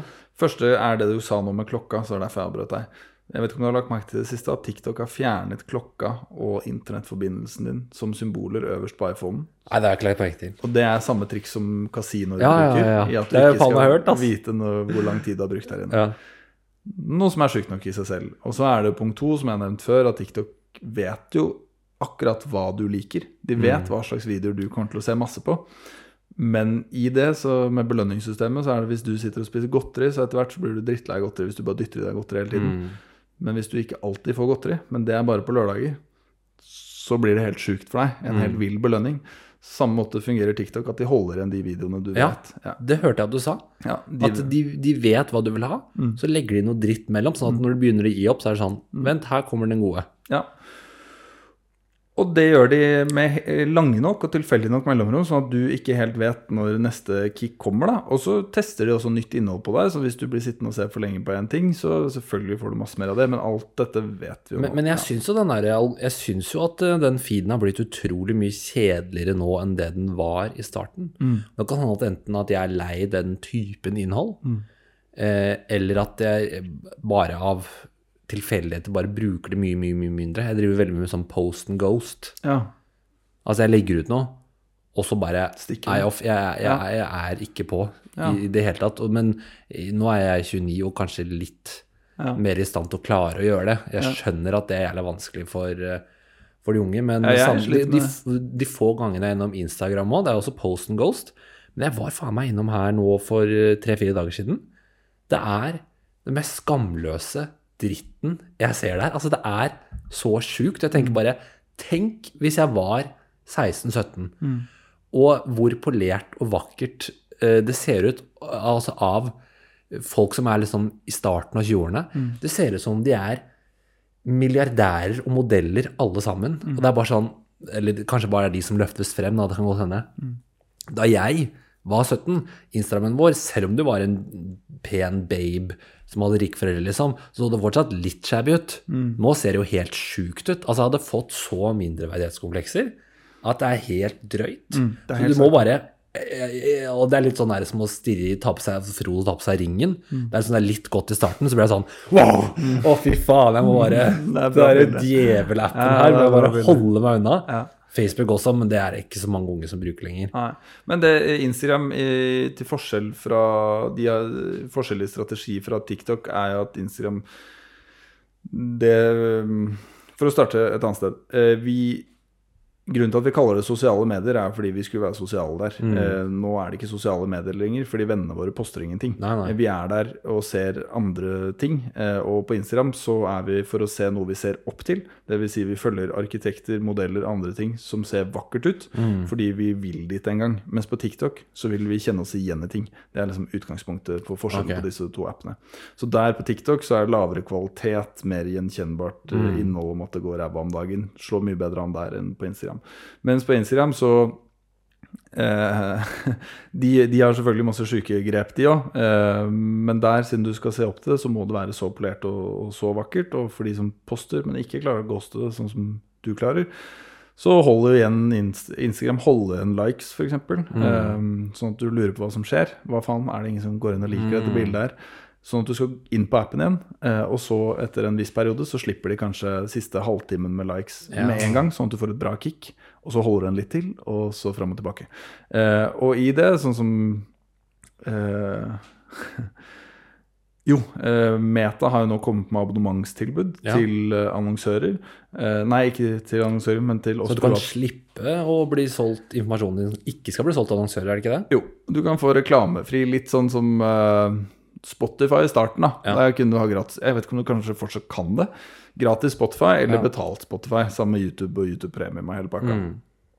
Og det er jo for så vidt en god idé, men hva er intensjonen? Jo, intensjonen, i hvert fall for Meta da, i Norge og flere land i Europa, er at Norge gir jo bøter til Meta på rundt 1 million norske kroner hver eneste dag for brudd på personopplysningsloven, eller hva det heter. Okay. Som vil si at med vilje så bryter de loven fordi de mener at de er over loven. Dette er en naiv måte å si det på. Ja. Og det de da har kommet med nå, er en abonnementsløsning eh, som tar hensyn til dette regelverket som eh, Datatilsynet eller en eller annen eh, Ja. institusjon setter ned. Og det gjør de ikke for å eh, gi et tilbud til oss eh, forbrukere, men for å slippe bøtene. For hva gjør denne nye eh, tilbudsordningen til Meta? Jo, den gjør at Datatilsynet får masse papirarbeid med å finne ut hva som er regelverket rundt når Meta kan tilby en løsning med et abonnement. Okay. Er det Så dette er noe de kun gjør i Norge? Ja, det, Eller da blir det sluppet flere steder i verden. Ja. Men i Norge nå så sliter Datatilsynet med å bøtelegge Meta for brudd på personvernopplysningsloven, eller hva det heter. På Hvordan veit du alt det her, da? Jeg hører på han eh, Sigurd Råbe ikke, Nei, ikke, Sigrid er søsteren. Hun Råbe, hun artisten. Men Råbe, han broren, han er eh, Han har master i et eller annet medievitenskap. Akkurat det du snakker om nå, snakket vi om på Ekko, det derre P2-programmet, i går. Ja. Og det er en jævlig bra bok, Ekko, ehm, som handler om tekkens påvirkning på oss, f.eks., eh, som folk burde lese. Eh, som tar utgangspunkt i hva, hva er det som skjer i Silicon Valley, egentlig. Eh, og nå er ikke spørsmålet lenger hvordan å hvordan å liksom bli rik, men det de kjemper om nå, er hvordan, hvordan leve evig. Det er det neste store spørsmålet for Ok. tech-gigantene. Eh, Før var det liksom hvordan løse diverse Men, men når, vi nå sitter og, og snakker om hva måte, som er litt sånn uh, sneaky med de sosiale mediene, hva, hva tenker du? Fordi jeg er helt enig i alt sammen, men så tenker jeg også fort Er dette som om jeg er en litt eldre person når rocken kom, var sånn Den forbanna øyrene deres, og det er djeveldyrking, liksom. Hvordan eh, Fordi det de da så på, var at rocken gjorde at folk eh, ikke, Det oppfordret folk til ikke jobbe. Det forherliget det å drikke, det forherliget sex, det forherliget det å bryte liksom, de verdiene vi har. mm, Det er godt spørsmål. Så unge ville jo bare ligge i et hjørne og liksom bare drikke og ruse seg og bare ligge med alle mulige folk og ikke ta ansvar. Altså, det var jo uh, Misforstå meg rett, men det er jo det de som sa nei til, eller ikke ville ha rock, ikke ville ha TV, sikkert ikke ville ha radio i sin tid, ville jo ikke at det de opplevde var essensielt for å holde et sånn sunt samfunn i gang, at det skulle bryte sammen. Det er jo litt det man er redd for nå. Det kan hende at det er mer alvorlig nå. Det kan hende at de rammer en mer sårbar gruppe nå. Men eh, jeg prøver også hele tiden bare minne meg selv på liksom eh, Det var masse fucka, skadelig, rart, hemma ting jeg opplevde da jeg var liten, som jeg fikk via DVD eller video, eller bare av andre folk, som også er liksom Det var skada vår generasjon mye. Kanskje noe av det er borte. Kanskje ikke du blir bare slengt inn i en betongvegg av en random fyr nå, en bølle, fordi han sitter på en benk på TikTok. Så de har noe annet de kanskje skader seg litt på. Kan hende at det er verre, da. Jeg vet ikke. Nei, Det er et veldig godt spørsmål og en eh, god formulering. For det var jo mye fucka på vår, i vår ungdom òg, som jeg snakket om i det comeback-klippet mitt òg, med LimeWire. Det var en helt psyko-tid. Der var det, det var livsfarlig å være på LimeWire. Jeg, altså Første gang jeg så porno, var jo sammen med mamma og pappa uheldig fordi jeg skulle laste ned en episode av The Simpsons. Ja. Og så plutselig så sitter en dame der og dytter hele hånda si oppi seg selv foran mamma. Altså Det er så Ja, psyko scene. men, men bare, bare som ja. spiller burnout, husker jeg at det går så fort. Ja. spiller burnout. At ingen spill kan sammenlignes med det her. For det, det bare eksploderte ting over skjermen. Men for å prøve å svare på spørsmålet ditt, så kan jeg jo kort si at ja, det har vært dette er, Jeg er ingen ekspert på dette, Ja, det må sies. Jeg har lest uh, Nei, nei, det, vi, bare, Ja. vi er bare to idioter som ja, det er sier tankene våre. Eh, Jeg har lest liksom min lille fair share av dette greiene, og det har skremt meg nok til at jeg i hvert fall prøver å gjøre en innsats selv uh, for å være mindre på skjerm. Og Mm. så vil jeg gjerne bid... Jeg vil være til stede på nett, og det er egoistiske grunner. Mm. Fordi jeg får glede av å skape noe innhold som jeg syns er bra. Derfor vil jeg være det. Og så vil jeg at da det innholdet skal være greit, på en måte. Men for å svare på om jeg tror det er verre nå enn det var før, så er det korte svaret ja. Og starte med det er at Netflix åpenlyst på et, en presentasjon for sånn to år siden, tre år siden, eh, fortalte at deres største konkurrent var søvn. Eh, det, vil, si at altså Netflix selv står og sier at nei, det, det er ingen andre som kan konkurrere med oss og stjele kundene våre i større grad enn menneskets søvn. Og det er en ganske psyko ting å Ja, si. det er helt fucka. Det er en ganske psyko ting å si. Og alle kan jo kjenne seg igjen i det. Nå tar det tre sekunder før Netflix spiller neste episode. I går jeg ble sittende og se på hele nye sesongen av The, Crown. Hvor jeg helt fint hadde klart meg med én episode i uka, sånn som det var før på TV. Med sånn fuck, nå må jeg vente en uke til før neste episode kommer. Hvordan skal dette ende? Men dette handler om dette med overkonsumering, da. Og nå er en psykolog, jeg husker ikke navnet, dårlig referert til noen jeg ikke husker navnet på, um, tror jeg, som sa at vår største utfordring i denne generasjonen er at vi har alt tilgjengelig til enhver tid. Vi stiller spørsmål om hva som er årsaker til at vi ikke finner ut av hva vi skal drive med, eller hvorfor vi har dårligere psykisk helse, selvmordsraten hos unge menn går opp, bla, bla, bla. Eh, og det mente denne psykologen i hvert fall at kunne forklares med at vi har for mye tilgjengelig til enhver tid. Det har aldri i noen generasjon vært spørsmål om skal jeg ta et friår eller ikke, skal jeg drive med det eller ikke, bla, bla. Før så var innsatsen at du enten måtte tilbake på gården og jobbe for å overleve, eller så måtte du ut i en jobb, for det var det som var løsningen. Og det var mange spørsmål til livet da, ja. Men det var en betraktelig enklere måte å leve på, eh, fordi du ikke hadde noen eksistensiell krise om hva du drev med. Ja, ja. Livet hadde, kall det en enklere verdi, da, enn det vi prøver å tillegge det i dag. Ja, ja, men det er som å være på Du nevnte jo hytter med, uten strøm og vann. Ja. At når det å, holde, å ha nok vann og fyr i peisen blir på en måte Det det heltidsjobben, Ja. så rekker du ikke å tenke sånn Er egentlig Hvorfor gjør SoMe-klippene mine ikke det så bra lenger? Ja. Hvorfor er de sammen og ikke jeg med de? Og, eh, altså, ikke når jeg sa, sa at jeg er god til å hoppe ut av sosiale medier, Mm. jeg syns jeg får med mer enn nok ting til å gjøre meg deprimert i en årrekke, liksom. Mm. Så, så og kjenne masse på de tingene sjæl. Ja. Men jeg lurer på om det er det der med at hvis du kan se andre folk gjøre veldig morsomme ting, og du ser kun det velpolerte og det ja, er det det. Ja, ja. Så, så Og du vet at du bare sitter der for liksom ja, for på endte timen Ja. og ikke gjør noe, så blir det jo fy faen, jeg er loser, liksom. Ja, og dette handler jo om antall inntrykk opp mot hva vår steinalderhjerne er eh, kapabel til å prosessere. Vår, vår hjerne henger jo etter. Også som hun uh, Morgenbladet-journalisten som har skrevet boka 'Ekko', nå husker jeg ikke hva den heter, men den kan folk google. uh, så hyrer disse tech-selskapene de beste eh, psykiaterne og psykologene på belønningssystem Mm. for å lære seg om hvordan de kan utnytte det på best mulig måte Ja, ja. for at vi skal være på skjermene så lenge som mulig. Og Mm. dette handler om oppmerksomhetsøkonomi. Vi lever i noe som heter oppmerksomhetsøkonomiens tid, hvor eh, vår, våre øyne, plassert et eller annet sted, altså vår oppmerksomhet, er det som eh, det noe. som er verdt noe. Ja. Ja, ja. Og kort forklart for de som hører på, hvis de ikke skjønner det poenget, som er forståelig, så er det jo at uh, tekstselskap tjener penger på at vi sitter der, og de tilbyr oss gratis underholdning Mm. mot at uh, annonsører plasserer reklame på plattformen deres. Mm.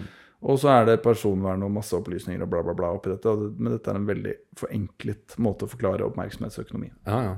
Mens eh, da blir da kampen til alle disse appene å holde oss på appene så lenge som mulig. Ja. Derfor gjør de alt de kan for å kødde med vårt belønningssystem for at vi skal sitte der lengst mulig. Mm. Så derfor er uh, korte svaret ja til at det er farligere nå enn det var før. Og uh, vår steinalderhjerne prøver å kjempe mot et helt sykt system Mm. som prøver å utnytte våre svakeste punkter i vårt belønningssystem. Og det er ikke så rart at vi feiler.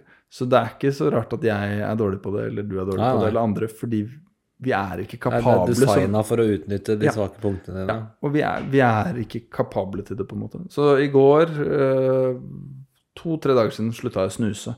Eh, etter at jeg posta det klippet på TikTok, så skal jeg teste ulike ting og slutte med. Så skal jeg teste symptomer på meg selv for å se hva, hva slags symptomer som vekkes i meg av avhengighet eller overkonsumering. Ja, ja. Og det er akkurat samme symptomer med smarttelefonen Ja, det, det, som det er med men det er fint det der. Jeg syns jo jeg får en del fine sånne uh, videoer innimellom på sosiale medier som handler om det å ta pausen. Mm.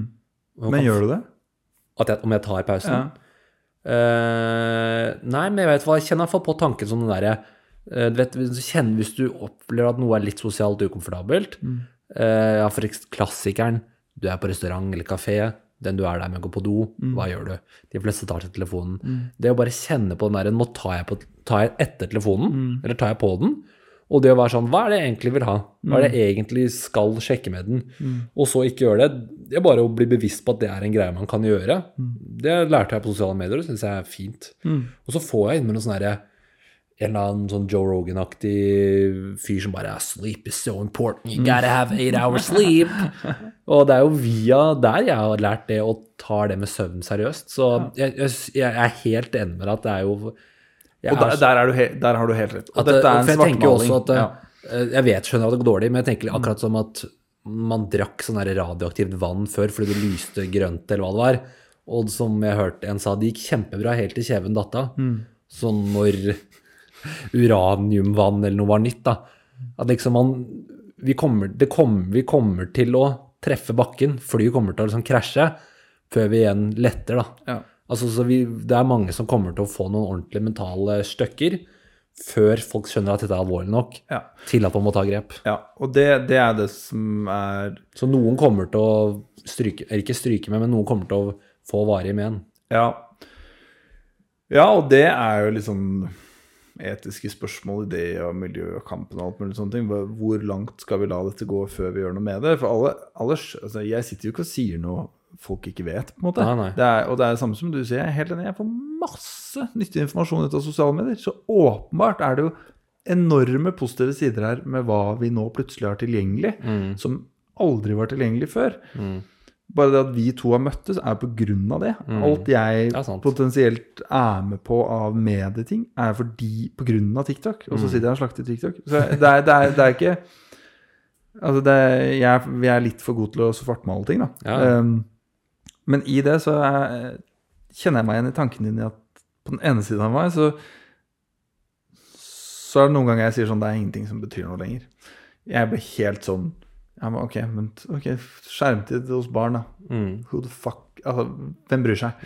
Samme miljøkrisen. Ja, men la verden brenne, da, så ser vi hva som skjer. Mm. Ja, ok, da skjedde det, da. Så ble det en eller annen akopalypse, eller hva det heter, og så ble det en ny istid og bla. Altså, naturen kommer til å vinne uansett. Mm. Eh, og det, det er uh, Så den ene siden av meg har de, de tankene i meg. Sånn, hvorfor gidder du, Alvor? Hvorfor gidder du å sitte og snakke om skjermtid, eller Fordi det har ingen betydning.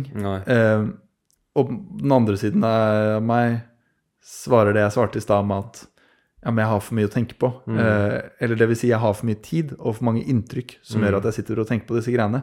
Hadde jeg levd et enklere liv, så hadde jeg kunnet sagt noe fornuftig om skjermtid, og så kunne jeg holdt på med å overleve, eh, på en måte. Ja. Men eh, eh, grunnen til at jeg begynte med TikTok, og sikkert mange andre, er jo for kortversjonen. da. Bli kjent, få jobb i et eller annet mediehus, kicke ass og bare ha det fett. Kortversjonen, da. ja, det er bra kortversjon.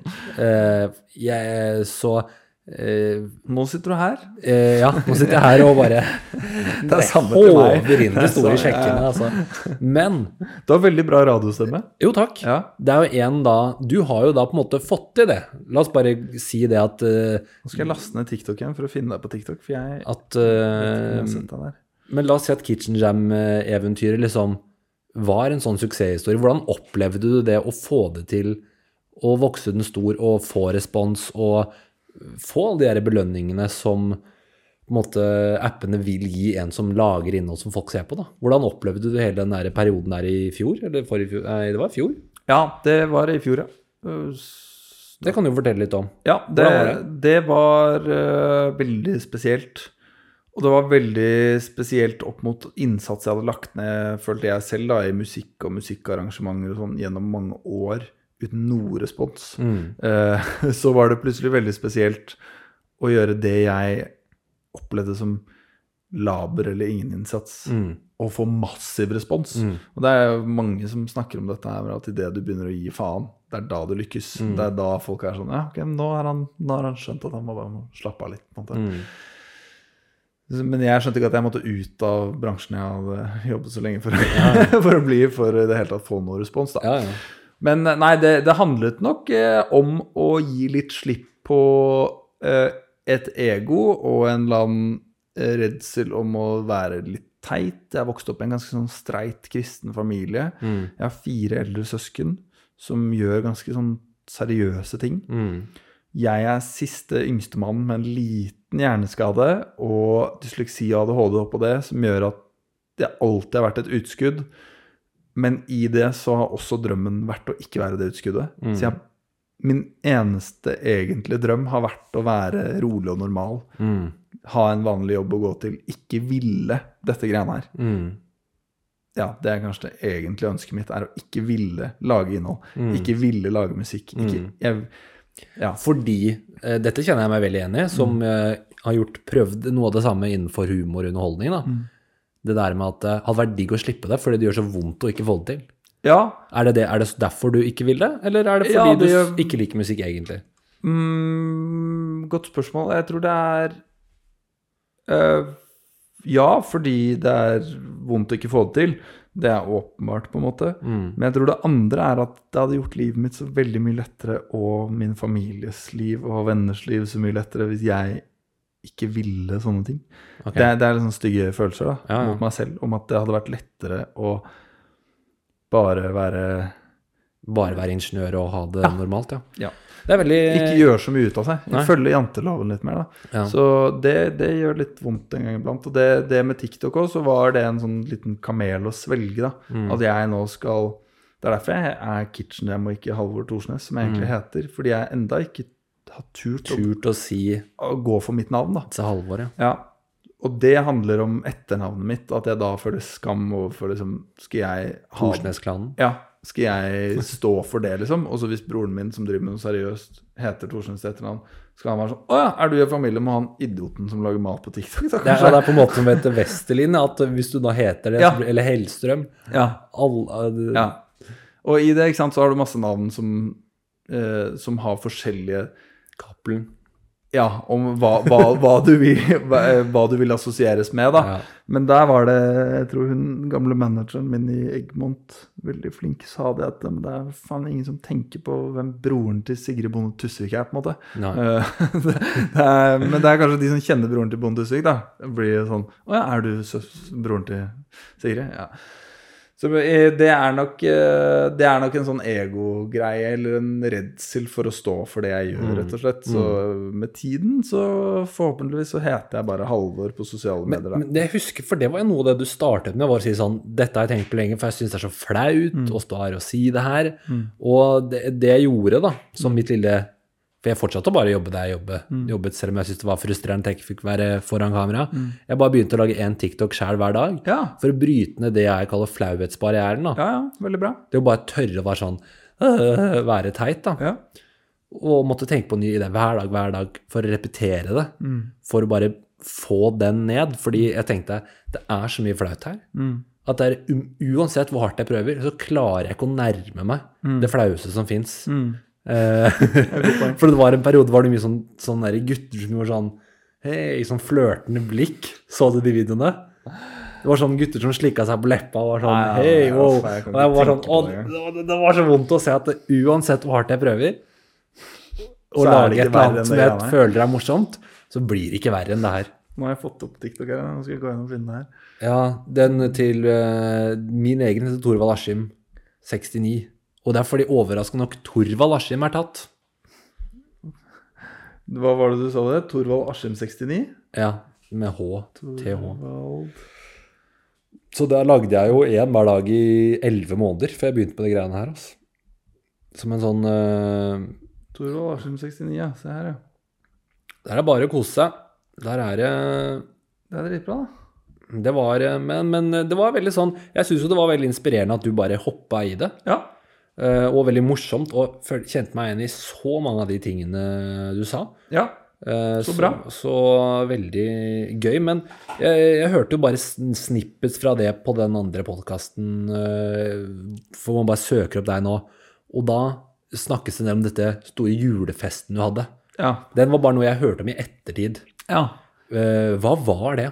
Ja, det er et uh, godt spørsmål. Hva Og var det, var det? var det et sånn vendepunkt for deg?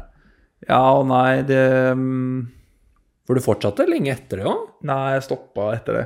Ok. Men, men det Så du holdt bare på et halvt års tid? Ja, jeg holdt på fra mai 2022 til eh, jul 2022. Og så prøvde jeg å komme i gang litt i januar og februar. Mm. Jeg tror jeg hadde ute to-tre klipp eller noe. Mm. Kanskje flere. Men så mye greier. Men Ja, det men kan, du kan heller snakke om din indre motivasjon. Altså, det var, Ja. jeg tenker, er viktigere med, opptatt av den enn akkurat hvor mange klipp. ja. Men hva var det som gjorde at du fikk nok da? Nei, det som eh, først gjorde Du stilte et bra spørsmål i stad med hva slags følelse det var å få de kickene. Det var helt sjukt, og det var første gang jeg har fått en tilbakemelding på ting jeg har gjort.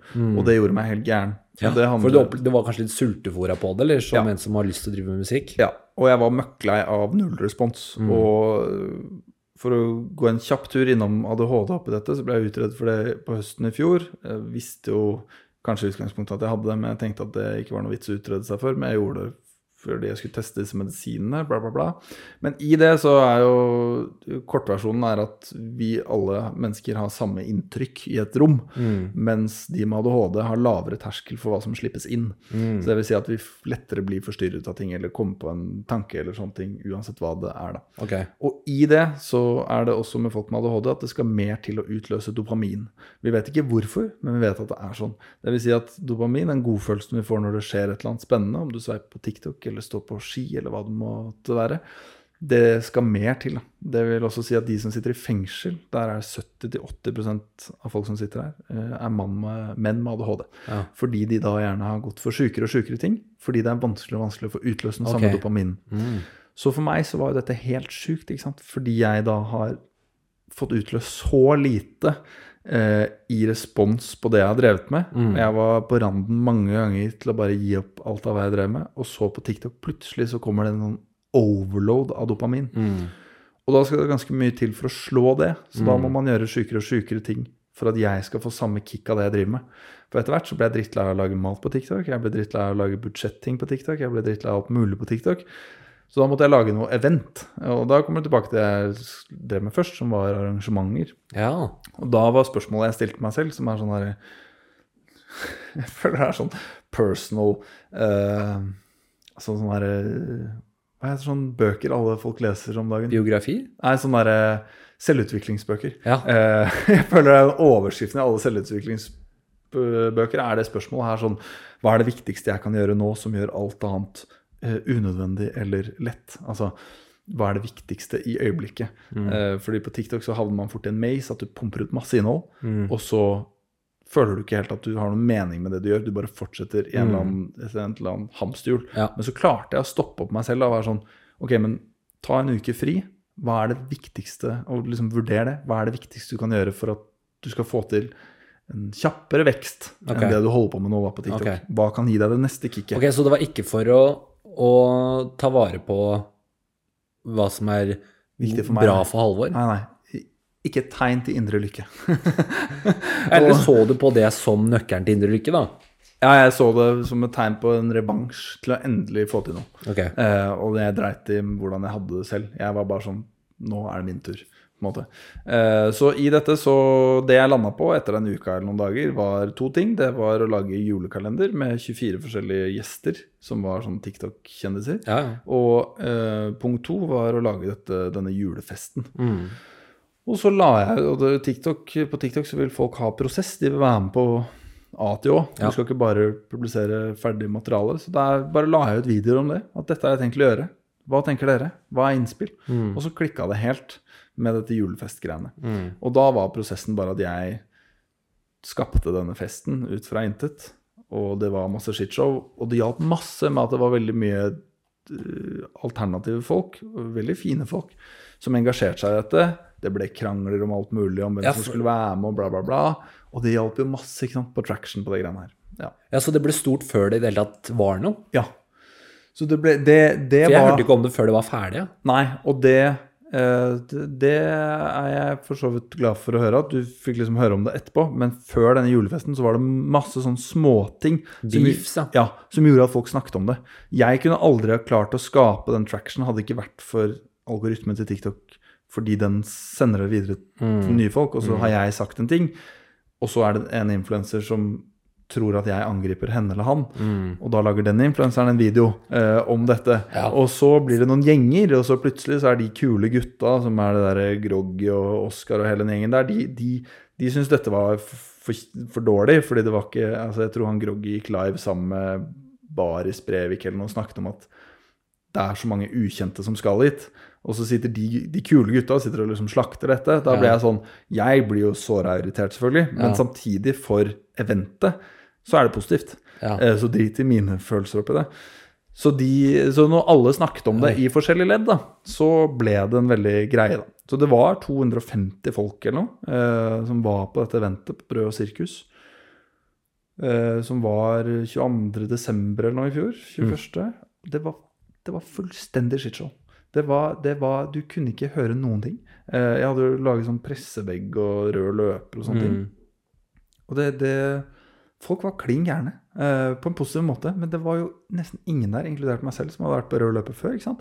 Eh, så vi kommer dit og er bare Fuck yeah, nå har jeg made it. nå er jeg på rød løper, og jeg skal ikke flytte meg. Her, så Så der var de. Ja, så vi hadde jo et program med utdeler kåringer og priser og alt mulig sånne ting, og det var jo Ingen fikk jo med seg noen ting. Det er også en god måte å lage drama og helvete på, da. Og hvem som blir nominert, hvem som ikke blir nominert. Ja. Blir nominert i den kategorien. Jeg er jo ikke innenfor mat, jeg er innenfor Ja.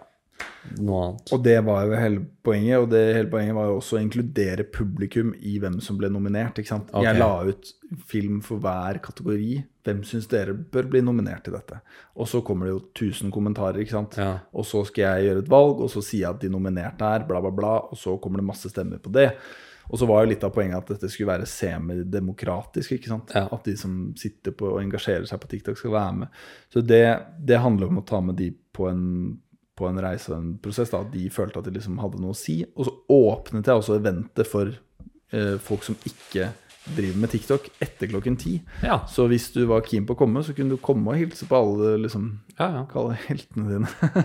Ja, men fordi når jeg så Jeg bare For å gjøre litt research i det her, så bare søkte jeg opp bare for å se noen videoer. Fordi eh, når du har så mange innholdsskapere på et sted, så lager de innhold av at de er der med andre innholdsskapere, og alle gjør intervjuer og alt mulig sånn. Og, og, og det blir jo Det kan fort spinne ut av kontroll.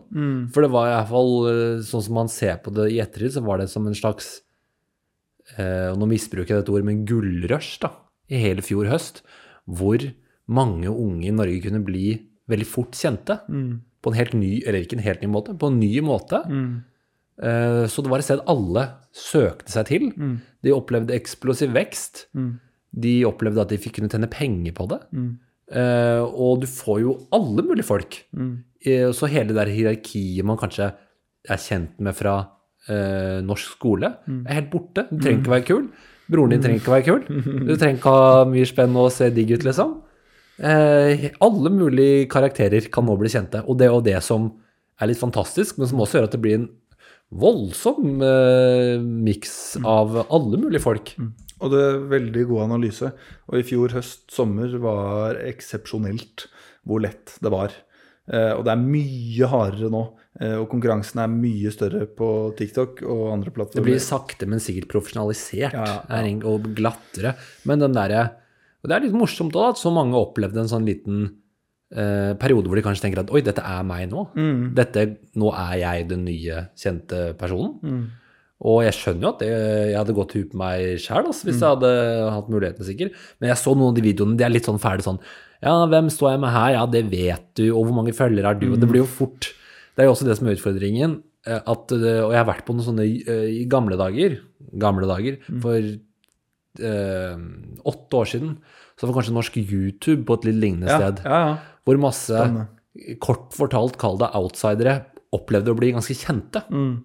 Og via Jonas, Liaug som vi snakket til, så fikk jeg være med på noen sånne YouTube-fester. Mm. Og jeg ble veldig frustrert hvordan jeg møtte folk som ikke nødvendigvis oppførte seg noe pent, Mm. eller ikke hadde en sånn De var ikke vant til å ha den oppmerksomheten eller den påvirkningen eller den makten, om du vil.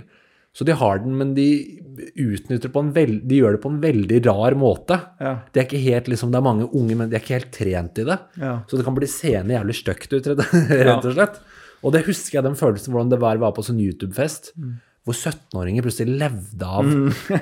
Eller om de var 20, vet jeg ikke. Sånn, og alle mulige folk som var kjente uten at jeg kjente til dem. Det var veldig rart. Ja, og det, det, det var jo litt den stemningen på denne festen òg. Det er derfor jeg ikke har lyst til å arrangere det igjen. Fordi jeg mener det var egentlig akkurat som du beskrev det, var liksom one hit wonder. Du, den høsten her hadde vært helt eksplosjonell. Det er masse profiler som aldri ville liksom fått det til på Instagram eller YouTube alene. holdt. Det er litt fint òg, da. Men Ja, kjempefint. Men da det ble det peaket på en måte med, eh, med da denne festen, og så sa det stopp, da. Så jeg, jeg er helt enig i analysen din, og så tror jeg at hvis man skal være til stede på den plattformen nå, hvis du har lyst til å lykkes nå, hvis du har et eller annet mål eller en bedrift eller et eller annet sånt, så er det utelukkende kvalitet som er eh, som er løsningen, da, i mitt hode. Før så kunne du pumpe ut innhold, og du fikk masse visninger uansett. Det, det gjør du ikke nå lenger. Så nå må du kjempe uh, hardt, da. Men det gjør også at det er mye mer fair, da. Eller det er, det er fair i større grad, fordi de som legger ned innsatsen, får views. Og jeg irriterer meg jo over at det klippet jeg la ut, ikke gjør det bedre. Fordi jeg mener jeg la ned en ganske bra innsats i det klippet. Men så har jeg lagt inn flere deler der for å teste seeren. Som jeg vet at ikke funker. Så hvorfor gjør jeg det? Mm. da ødelegger jeg for meg selv. Da får jeg 120 000 visninger Ja, ja. istedenfor 400. da. Så det er eh, jeg, hjelper, eller jeg skal hjelpe broren min. Han driver et arkitektfirma. Og så hjelper jeg den folkehøgskolen med innhold og sånne ting nå etter jul. Og det Jeg er ganske knallhard i analysen om at det, du, hvis du skal være her, så må du ha et mål. Og så må du gjøre så godt du klarer, liksom som faren min sier, egentlig. Du, du må ta faget på alvor. Så det virker på, som du kan veldig veldig mye om det her, da. ja, jeg har i hvert fall brukt all min energi i lang tid på å lære meg så mye som mulig om det. Og så er jeg nå jeg skal være lærer på en innholdsproduksjonlinje på denne folkehøgskolen til høsten. Ah. Så da må jeg ta faget mitt litt, eh, mitt litt alvorlig, og så videre. Jeg vet ikke om du fikk med det var sånn feide i fjor eh, våres et eller annet gang at en folkeskole skulle starte influenserlinje. Ja. ja. det er den linja som jeg har starta. men jeg ville ikke at de skulle kalle den influenserlinje. Og Nei, det det er ikke jeg. som har starta den, skolen, men jeg sa dere må lage innholdsproduksjon. Dere må ta dette faget alvorlig. Ja. De har fotolinje, folk har videolinje, alt mulig. Jeg bare sånn Det folk bruker foto og video til nå, er sosiale medier. Ja. Du må ta det på alvor. Det er Uansett om de skal bruke det Så for du seg selv. er mannen bak alle de overskriftene der, ja? Jeg satt veldig stille Det skjønner jeg. i båten. da For det er noe med hele ordet at man blir sånn Det er det verste. Ja. Men du har helt riktig at hvis du går på Finn og skriver innholdsprodusent Mm. under eh, Finn jobb, så er det veldig mange jobber, og det er veldig mange. Det er AF-gruppen trenger det. Ja. Alt mulig trenger det. Men eh, jeg skjønner at når du kaller det influenserlinje, så høres det litt mer usmakelig ut. Ja, og til og med hele bransjen vil jo kvitte seg med influensernavnet. De skal jo hete profiler nå, og ikke Mm. influensere.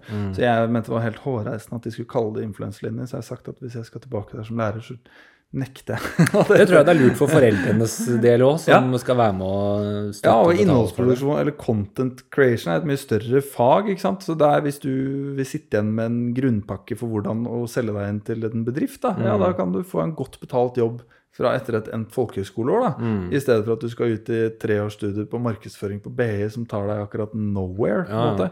Så ja. Så jeg har veldig tro på det faget, men i det så har jeg også ganske strenge retningslinjer da, for uh, både uh, kvalitet og hvordan å ikke bidra til mer søppelunderholdning, da. Eh, Ja, fordi det, det kan vi snakke litt om. Eh, Det er jo eh, Jeg husker det var en jeg også jobba med i fjor. Han var innom der som praktikant, som heter Oliver Bergseth, som er en sånn fyr som tok av helt på TikTok. Ja. Men det som er litt sånn behagelig med han, er at du merker ganske fort at han er, selv om han lager mye farskjell, han er en ålreit fyr. Mm. Er du kjenner, du, det er veldig sånn lett å Du kjenner det ganske fort, da. Mm. Um, så han kan godt holde på med rare ting, men du, ved å prate med han over et par dager, så skjønner du han er ikke noe idiot. Mm. Eller han er snill, da. Og det er jo faren, for jeg ser folk står med sånne mikrofoner eller mikrofoner ut på, på Karl Johan med sånn fulle folk eller 16-åringer og er sånn Hva er bodycounten din, og hvem er digg? ja, og det er ikke sånn, 16 engang, det er jo 8-åringer. de har ikke ligget med noen og, og sånn, Hvor er det farligst i Oslo? Det er bare Sånn som sikkert hadde skjedd hvis det fantes når jeg var ung også, men bare helt sånn forferdelig vondt, slemt. Det er sånn, sånn derre uetisk innhold, og han 13 sier sånn Ja, fire stykker, og Det er så åh, merkelig. Så man må bare passe på at de som lager det, at de har noe fornuft på bånn. Ja. Det tror det kan være lurt. Ja, helt enig. Og det hvis øh, Hvis jeg kan få liksom min vilje, så er det akkurat det. da. At da kan jeg bidra til å sette en Eller kanskje være med å bidra litt til at det, det, kvaliteten på innholdet du kan lage, kan få deg ganske langt her i verden. Mm. Du kan lage ganske mye sjuke ting for bedrifter, eller for deg selv, eller for filmselskaper. Hvis du gidder å ta faget på alvor. Jeg hadde ikke rørt et kamera for to år siden, og nå får jeg et tilbud som jeg aldri hadde ant. ikke sant? Ah, Bare fordi jeg tar faget på alvor og ikke poster dritt. mm.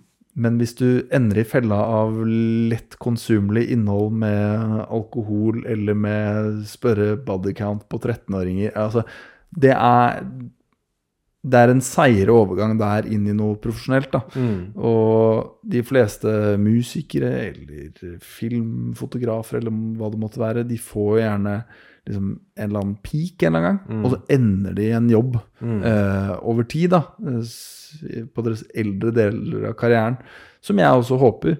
Eh, men da handler det om at den første delen gjerne må ha blitt tatt litt på alvor, da. Ja, ja. Eller at du ikke har gjort for mye psycho-greier. Ja. La ta den litt lenger unna. Uh, ja, fordi det så også et klipp av hvor du da var uh, Du var negativ til noen som jeg var ganske ikke, altså, Ferdig så utelukkende positiv, men, for, men samtidig, når jeg jobba i fjerde etasje og våre YouTube-tall dalte, så føyk jo kontoret oppover. Og så uh, har mange foreldre vært veldig bekymra for at de, de drikker mye, alt mulig tull kontoret eller Oskar Vestelin og gjengen der gjør. Eh, men s- for meg så ble det like mye et bevis på at så det går absolutt an å få til her. Du må bare treff, trykke de riktige knappene. Eh, og så må det også skilles på Jeg syns sånn uh, dyr mot billige ting synes jeg ikke er så bra. Men jeg, jeg tenker mer sånn Jeg husker selv hvordan jeg var som 17-åring. Uh, gutt. Jeg vet hvor idioter 17 år gamle gutter er. Og jeg tror at eh, liksom den eneste tingen de noensinne vil, er jo å være altså, Som jeg opplevde at jeg også ville, var bare være en gæren idiot, liksom. Så jeg blir også litt sånn Når folk kritiserer, så tenker jeg sånn Sånn har jo alltid unge gutter vært. Eh, Så jeg har egentlig ikke eh, Jeg syns egentlig ikke det er så krise, det vanlige innholdet gjør. Eller var det noen spesielle episoder du sikta til? Ja, Hvis vi tar utgangspunkt i fjerde etasje i stedet, da, Ja. uh, og deres innsats, så ser du treffpunktene du fortalte om i stad. Dere ville treffe 17-åringen, men dere treffer 14-15-åringen. Og det tror jeg også er caset med, med i større grad, da. Eh, andre lignende prosjekter. Ja. Eh, jeg er litt ferdig med å snakke om han og det kontoret og Ja, ja. sånne ting, fordi de, som jeg har sagt før, de gjør en helt psycho-innsats i å pumpe ut innhold. Eh, og så er det hvem de treffer, og hvordan de gjorde det Mm. før, som jeg var mer eller kritisk til i større grad. da. Ja. Men de har, de har skjerpa seg. Men til snakk om fjerde etasje, da, så er jo da case at vi, jeg har f.eks. en niese som konfirmerte seg nå. Hun er 15. Eh, jeg spør henne ja, men hva er det dere ser på, da? Eh, og så får jeg svar fra det. Og gutta i hennes klasse er for gamle for innholdet. Eh, I hennes mening, da. Til både fjerde etasje og kontoret og hva det måtte være. Mm. Og det vil si at da, hvis fjerde etasje inkluderer alkohol, da, Mm. eller hvis eh, kontoret eller noen andre, for den saks skyld, trenger ikke å være noen av dere, inkluderer alkohol, Mm. så er i min bitte lille kvalitative undersøkelse eh, målgruppen under 15. Mm. Og ja, det er greit nok for en 17-åring å bli eksponert for at åpenbart så du, har møtt på noen som har testa alkohol, i hvert fall, eller andre ting. Mm. Men når du begynner å komme ned til liksom 13-14-åringer, Mm. da, da opplever jeg det som svært liksom, kritikkverdig. Da. Mm. Og det, det om det gjelder eh, kontoret, fjerde etasje eller meg selv, Mm. så treffer vi mye yngre folk enn det vi tror. Ja, ja. Så TikTok leverer bare en sånn statistikk med 18 og under. Mm. Og det er sånn, ja, men Der er det. ja. Eh, og eh, brorparten hos meg ligger mellom 18 og 24, Mm. og så er det mindre og mindre oppover, og så står det bare en sånn liten kolonne sånn under. Så blir jeg sånn, ja, men hvor unge er disse menneskene, da? Ja. Eh, fordi de har jo aldersgrenser og alt mulig, men det blir jo åpenbart ikke fullt. Ja, ja. Og det er i det at foreldrene ikke har mulighet til å ha kontroll. Da. Mm. Fordi før så var det sånn, ja, vi ser på TV, nei, Halvor, du får ikke lov til å se en film som har 15 års aldersgrense, fordi du er 10, på en måte. Mm. Det er en grunn til at den grensen er satt, men nå har de ikke den muligheten. Mm. For hvis elevene skal kunne prate med hverandre på nett eller være til stede, og sånne ting, så blir de eksponert for det uten at de vil det. da. Så jeg er ikke, jeg er ikke skeptisk til Eller jeg har mine tanker om eh, alkoholholdig innhold på sosiale medier, eller mm. snakk om rus, eller å ligge med damer, eller hva enn det måtte være som er billig content, da, hvis mm. du kaller det. Mm. Men det er helt greit å drive med det. Hvis du er brenner for å lage det innholdet og gjør det bra. Mm. Helt konge. Men det er hvem du treffer jeg er skeptisk til. Okay. Eh, og det gjelder Det har ingenting med kontoret eller fjerde etasje altså det er bare Uansett hvem som gjør det, så må du være svært bevisst på hvem du treffer. Da. Mm. Og der er nok eh, Jeg hadde dette i akkurat samme fellene som jeg mener mange gjør hvis jeg var litt yngre da jeg starta. Og jeg gjør masse feil, jeg òg. Jeg har pumpa ut innhold som er helt meningsløst. Mm. Som sikkert treffer unge gutter, eller jenter for den saks skyld. Eh, og som ikke gir dem noe av verdi i det hele tatt. Men ja, i hvert fall når det kommer rus eh, inn i bildet, så blir jeg jo Da vekkes det mye i meg, da. Ja, ja. Så det er, det nok det jeg kritiserer. Um, eller kritiser, ja. Jeg har vært ute og kritisert dette på en dum måte før, og så har jeg ikke fått fram det poenget. Nei. At vi later som at vi sikter oss mot 17-åringer. Ja. Eh, for det er 17 til 24 som på en måte Ok, ja, men da Det er liksom Det er unge folk. Mm. De begynner å bruke penger på nett. Flott, bla, bla, bla. Da, da kan jeg treffe de med noe reklame, og jeg kan Ja. treffe de med noe kult innhold. Det er ikke de vi treffer. Nei. Og av min lille studie så treffer vi ikke 15-åringene heller. Eh, og da er det Altså 13 år gamle gutter, det er, det er Nå skal jeg ikke si noe negativt som dere, men det er, det er barn, altså. Ja, ja. Eh, og da er det Ja, hvor eh, Hvor mye innsats som legges eh, ned av lærere for å kommunisere og prøve å forsøke å drive med en relativt grei pedagogisk tilnærming i undervisning ja da til, jeg at det faen meg til et eh, helvete. ass. 10-13-åringer. Ja. Eh, og innsatsen og studiet og eh, jobben som skal til av lærere for å få til det, da. Mm. Eh, Hvor fort den kan rives ned at Christian ja. Brennovd syr dover og stygge'. Ja. Som er bare sånn. Ja, det var vel det Ja, jeg var ute og, og ja, ja, og absolutt. De, greiene der, det var helt på trynet. Ja, Men, da, eh, da sånn er det liksom da, ja, da, er det, da er det vanskelig, da, når du kommer på skolen dagen etter, og så sitter de gutta der og bare sånn Fuck ja, ja, og jeg skal til Tyrkia og bytte tenner og bla, bla, bla. Og så blir det sånn Ja, det, det En 15-åring, en 16-åring, en 17-åring klarer å skjønne at det der er ikke liksom vanlig. Nei. Hvis Christian vil det, flott. Christian vil det. Ja.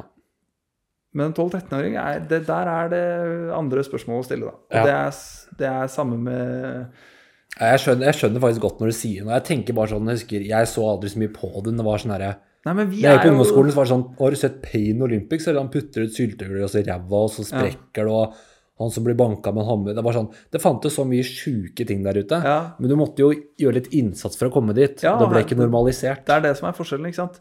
Hvis Eh, nå er det kanskje litt sånn Nå er det stuereint, men så er det kanskje Tenk om Two Girls One Cup hadde kommet i dag. ikke sant? Da hadde jo alle fått den opp i skjermen fordi den hadde gått viralt. Men før, viralt før var jo jeg måtte gjennom 14 virusfaner før jeg fant Two Girls One Cup. ikke sant? Og det, det er ikke sånn det funker i dag. da. Så Det er derfor jeg har noen tanker om det. Og så begynner jeg å bli gammel og kjedelig. Så det, er, det har noe med det å gjøre òg. Og så later jeg som jeg skal ta en eller annen ansvarlig rolle. Og så handler det jo, som jeg sa den forrige jeg var gjest i, at det, handler mye om eh, usikkerhet og ego, det greiene her òg. ikke sant? Ja. Jeg er jo Jeg syns jo det er irriterende at folk lykkes med så billig nå. Mm. Fordi jeg syns det er ræva selv. Ja, ja. Men så blir jeg det kjeder meg veldig. Ja, eh, det er, jo, det er jo en vond følelse å se at noen går megaviralt med noe jeg blir sånn Hva faen hva er det som skjer her nå? Hva er det som skjer med verden? Eh, samtidig så, eh, så Så er ikke min rolle da å ta, ta ut det på måten jeg gjorde, da. Nei, nei. Med å bli liksom sinna på en eller annen måte. Det, det, er bare, det er bare flaut, på en måte. Så det er derfor jeg prøver å ordlegge meg litt annerledes okay. nå. At dette handler om hva er det jeg kan gjøre? Jo, hvis jeg mener at du gjør noe gærent, flott, da kan vi snakke om det på tomannshånd. Mm. Og hvis jeg ikke mener at du gjør noe gærent, men du mener at jeg gjør noe gærent, da Mm. håper jeg ikke du går på TikTok og sier fy faen, Kitchenham er en idiot. Se på det han gjorde her. Mm. Jeg håper vi kan snakke sammen om det. Ja, sånn, ja. Men i det så, så håper jeg også da at liksom min utvikling og min liksom kunstneriske og faglige utvikling i innholdsproduksjonsfaget er det som gir resultater på sikt. Det håper jeg. Ehm, og at det er det som også gir meg noe mer indre lykke enn det det gjorde i fjor høst. da. Ja, ja. Ja. fordi ja, det, etter, du stoppa litt etter julefesten. Men hva er fremover nå? For nå Mal et lite bilde av hvordan, hva du driver med nå for tiden. da. Hva er det du driver med, og hva er det du har lyst til å gjøre mer av? Ja, godt spørsmål. Uh, jeg Du er lærer, da, skjønner jeg. Ja, jeg stoppa jo å lage litt innhold i, på nyåret. Det var liksom private årsaker til det. Og så eh, rakk jeg å kjøpe meg et småbruk sammen med en dame, så det rukket å bli ferdig. så nå har jeg et småbruk. Hvor er det? Det er i Elverum. Eh, Så det er vel der jeg jobber. Eh, Ja. ja, så det, ehm, det jeg driver med nå, er eh, Nå brukte jeg jo en måned ish på det klippet på TikTok da, som jeg kom tilbake med. Og det er ca. så lang tid jeg har som intensjon å bruke på innhold nå. Og så har jeg satt opp en plan for hva jeg skal lage. Og det um, Det skal være en type podkast eller YouTube-klipp som Mm. handler om et tema som jeg engasjerer meg i. Mm. For av det jeg har lært, så klarer jeg ikke å holde meg til én ting. Nei. Du har vært hyggelig og snill og sagt at jeg er flink til å kickstarte ting. Mm. Men da må jeg utnytte den positive egenskapen. Og så må jeg ikke tvinge meg til å holde meg til det temaet i tre år. Litt sånn rekommandert, eller, med Kristoffer Schau? Ja, det kan fort være litt sånn. Hvis du kjenner til det, at han får liksom en ekspert innenfor hermetikk, Ja. eller Ja, nå kommer jeg bare på Skal jeg gå inn og høre på? Jeg har ikke hørt på. For den er veldig fin. Da gjør han Han jobber liksom Han tror jeg setter seg ganske grundig inn i det og leser en del bøker. Ja. Og så får han en gjest og har en liveshow, Ja, som også er podkast, på Union scene i Drammen, for jeg tror han bor i Drammen. Mm. Det burde, og han, fra å være en fyr som sitter med tissen ute på intervjuer og koker bæsj i tiss og sprenger grevlinger, så har han blitt en, blitt en ekstremt sånn rolig Ja. Og fin person. Ja, og det, eh, det skal jeg sjekke ut. Takk. Og grunnen til at jeg har lyst til det, er fordi da kan jeg uh, undersøke ulike temaer med en nøysomhet som jeg er veldig god på i en veldig kort periode. Ja, ja. Eh, med dette ADHD-greiene så er jeg jævlig konsentrert. Mm. Vi kaller det hyperfokus i en kort periode, og da klarer jeg å lære meg nok til at det er interessant å prate med noen ekspert og sånne ting. Mm. Og så lage For jeg har lyst til å lage dokumentarer på sikt. ja. Eh, Så målet er egentlig å lage min lille dokumentar eh, på YouTube på kanskje 10-12 minutter om et tema, som kan være overkonsumering, avhengighet. Det kan handle om fotball, Mac, tremøbler, arkitektur. Hva faen jeg interesserer meg for i akkurat det korte tidsrommet. Og så at dette blir en lydfil som også er en podkast, en effektiv liksom, podkastepisode på 10-15-20 minutter om et tema. Men hvor jeg også har besøk av en gjest, og så kan det bli en egen episode. Mm. Bare sånn prat som vi har nå okay. hvor du sitter og prater. Så da får jeg laget innhold som jeg brenner litt mer for, og jeg kan utvikle meg eh, med historiefortelling, med lyddesign og uh, cinematiske klipp, uh, filming osv., så videre, sånn at jeg får utviklet de faglige eh, områdene som jeg gikk inn på å teste meg på. Og så eh, kan jeg lage TikTok-innhold eh, av mye høyere kvalitet rettet mot å få folk vekk fra plattformen. Mm. Og da kan jeg gi dem to alternativer, f.eks. I Nå får du to valg. Nå kan du gå og høre om dette temaet med denne spennende gjesten, Ja, eller så kan du logge av. Eh, her har du to alternativer. Ja. Så vi får se hvordan det går. Så det er det jeg driver med nå. Nå er første episode snart ferdig skrevet, og den handler om eh, Ironisk nok hvordan å lykkes på TikTok. Ja. Eh, hvordan å lykkes med engasjerende formidling på TikTok, som var et foredrag jeg holdt på Medienettverket i våres på 20 minutter. Så tenkte jeg da kan jeg bruke det innholdet til noe. Og så er jo eh, hele poenget med det foredraget lander jo på skal vi drive med Mm. bla, bla, som Mm. tar med disse problemstillingene vi har snakket ja. om. Så det er eh, det jeg holder på med nå, og da eh, Jeg håper det blir bra. Jeg skal, jeg, broren min er arkitekt, så jeg skal bruke locations fra ting de har tegnet, til å filme dette greiene. Okay. Eh, for å få vist frem litt flott arkitektur. Oi. Og så leter jeg etter gjester da, til å prate om eh, et veldig spesifikt tema her og der. Og, ja. Men i dette så skal jeg holde på med dette kanskje 60-70% av tiden min. Og så skal jeg jobbe på den folkehøyskolen resten. For jeg har veldig godt av å ha en balanse. Jeg har ikke godt Men, av men, å eh, men musikkprosjektene, er det latt på hylla? Nei, det, er- det kommer jo ned til dette lyddesignopplegget Ja. eh, i disse klippene. Mm. Og der skal jeg først jobbe med å fokusere på lære meg grunnleggende lyddesign. Så Ja. at jeg kan gjøre en podkastepisode eller en film semispennende og få støtte fra lyd. Ja. Og etter hvert begynne å spille inn det greiene her selv. Eller å spille inn deler av det selv. Og plukke opp musikken i det. Men når det kommer til et musikkprosjekt hvor jeg gir ut en plate eller noe, så må jeg dedikere mer tid til bare det, da. Ja. Så nå skal jeg først kjøre dette konseptet her, og så varer det kanskje et år. Og så kanskje jeg prøver på noe musikk her, da. Mm. Ja, vi får se. Spennende, da. Ja, jeg eh, Hvis det blir markedsført riktig eh, For hele testen her er jo om jeg er god nok på det som, som vises i om det er noen lyttere. Ja. Eller om det er noen seere på YouTube. Fordi YouTube og podkast er jo mye verre enn eh, TikTok. Det er mye vanskeligere å få visninger. Ja, ja jeg skjønner det. Hva, hva, har du noen lyttere på de greiene her? Ikke sånn altfor mange ennå. Det går opp og ned. Hvis jeg- Hvis har, en, jeg har hatt noen kjente gjester, eh, noen ukjente gjester, så det går veldig sånn opp og ned. Eh, men jeg hadde For eksempel Erlend Lo hadde jeg vært. Ja, jeg, jeg, jeg, Så det hadde jo jeg gleda meg skikkelig til. Og var en sånn her Nå blir det konge. Men jeg har ikke sett at Og så har jeg også, som eh, Wolfgang Wes i sin podkast, ikke prøvd å henge meg for mye opp i Jeg ser ikke på seertall, ja. Okay. Lyttertall, for ikke bli Fordi altså, dette er episode 15 eller hva enn det er. 16. For å ikke miste motet, liksom. Så det eneste jeg får med av tall, er TikTok-klippene. ja. På YouTube så ligger jo alt ute, men jeg linker jo ikke til de, så de har veldig få. Men det er liksom, det er snakk om 400-500 lyttere, kanskje. Hva er målet? Målet er å enten få sponsorer, eller bli programleder et annet sted. Ja. Så det er jo bare fine arbeidsprøver, liksom. Ja. Og bare det er gøy å snakke med folk. Plutselig har man en grunn til å invitere Erlend Lo. ja det er helt sikkert. Eh, og jeg merker jo at det jeg gjør mest, er jo hvis det er et TV-program jeg liker, så vil jeg snakke med de som har laget det TV-programmet. Mm, For eksempel han eh, som jeg hadde nå for, eh, forrige uke, Lars Lent, han som har lagd Bård og Lars på fisketur. Mm. Jeg vet ikke om du har sett de programmene? Eller Jakten på monsterkveita. Ja, jeg så Jakten på Ja, monstergrøt. eh, de, hadde, de lagde mange lignende program på 90-tallet. Ja. Så jeg ville jo ha sett det tusen ganger. Jeg ville Ja, bare liksom høre hvordan det var og er. Så det er jo mye sånt jeg gjør, da.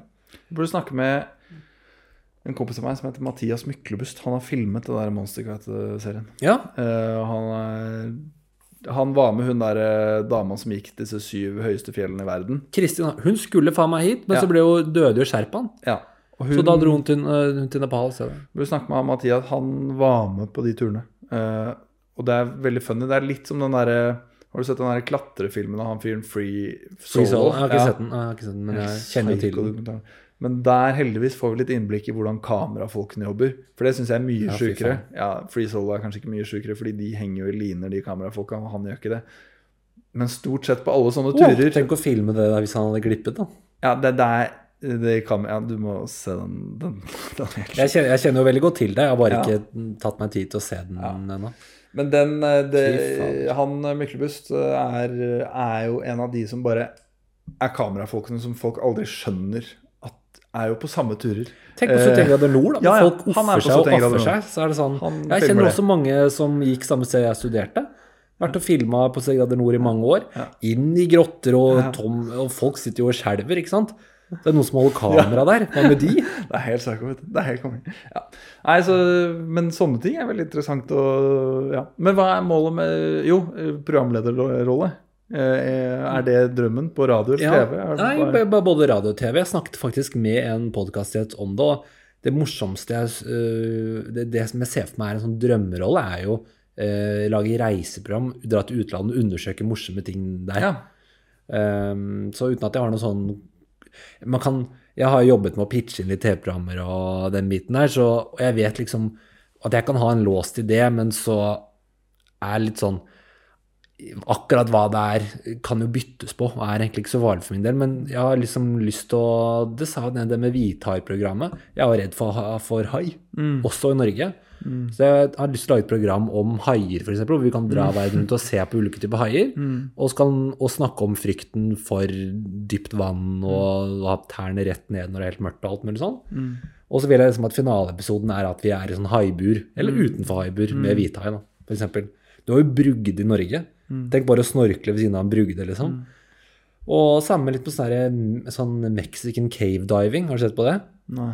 I Mexico så er det sånne gamle asteroidehøl, Ok. eh, som er sånne tunneler som går jo i altså mange timer, Oi. som er fylt med vann. Så kan du dykke ned i sånne grotter. Og det er jo sånn noia, ikke sant? Så det er jo litt sånne type Bare sånn dra Kan du ikke lage dette? Jo. Ja.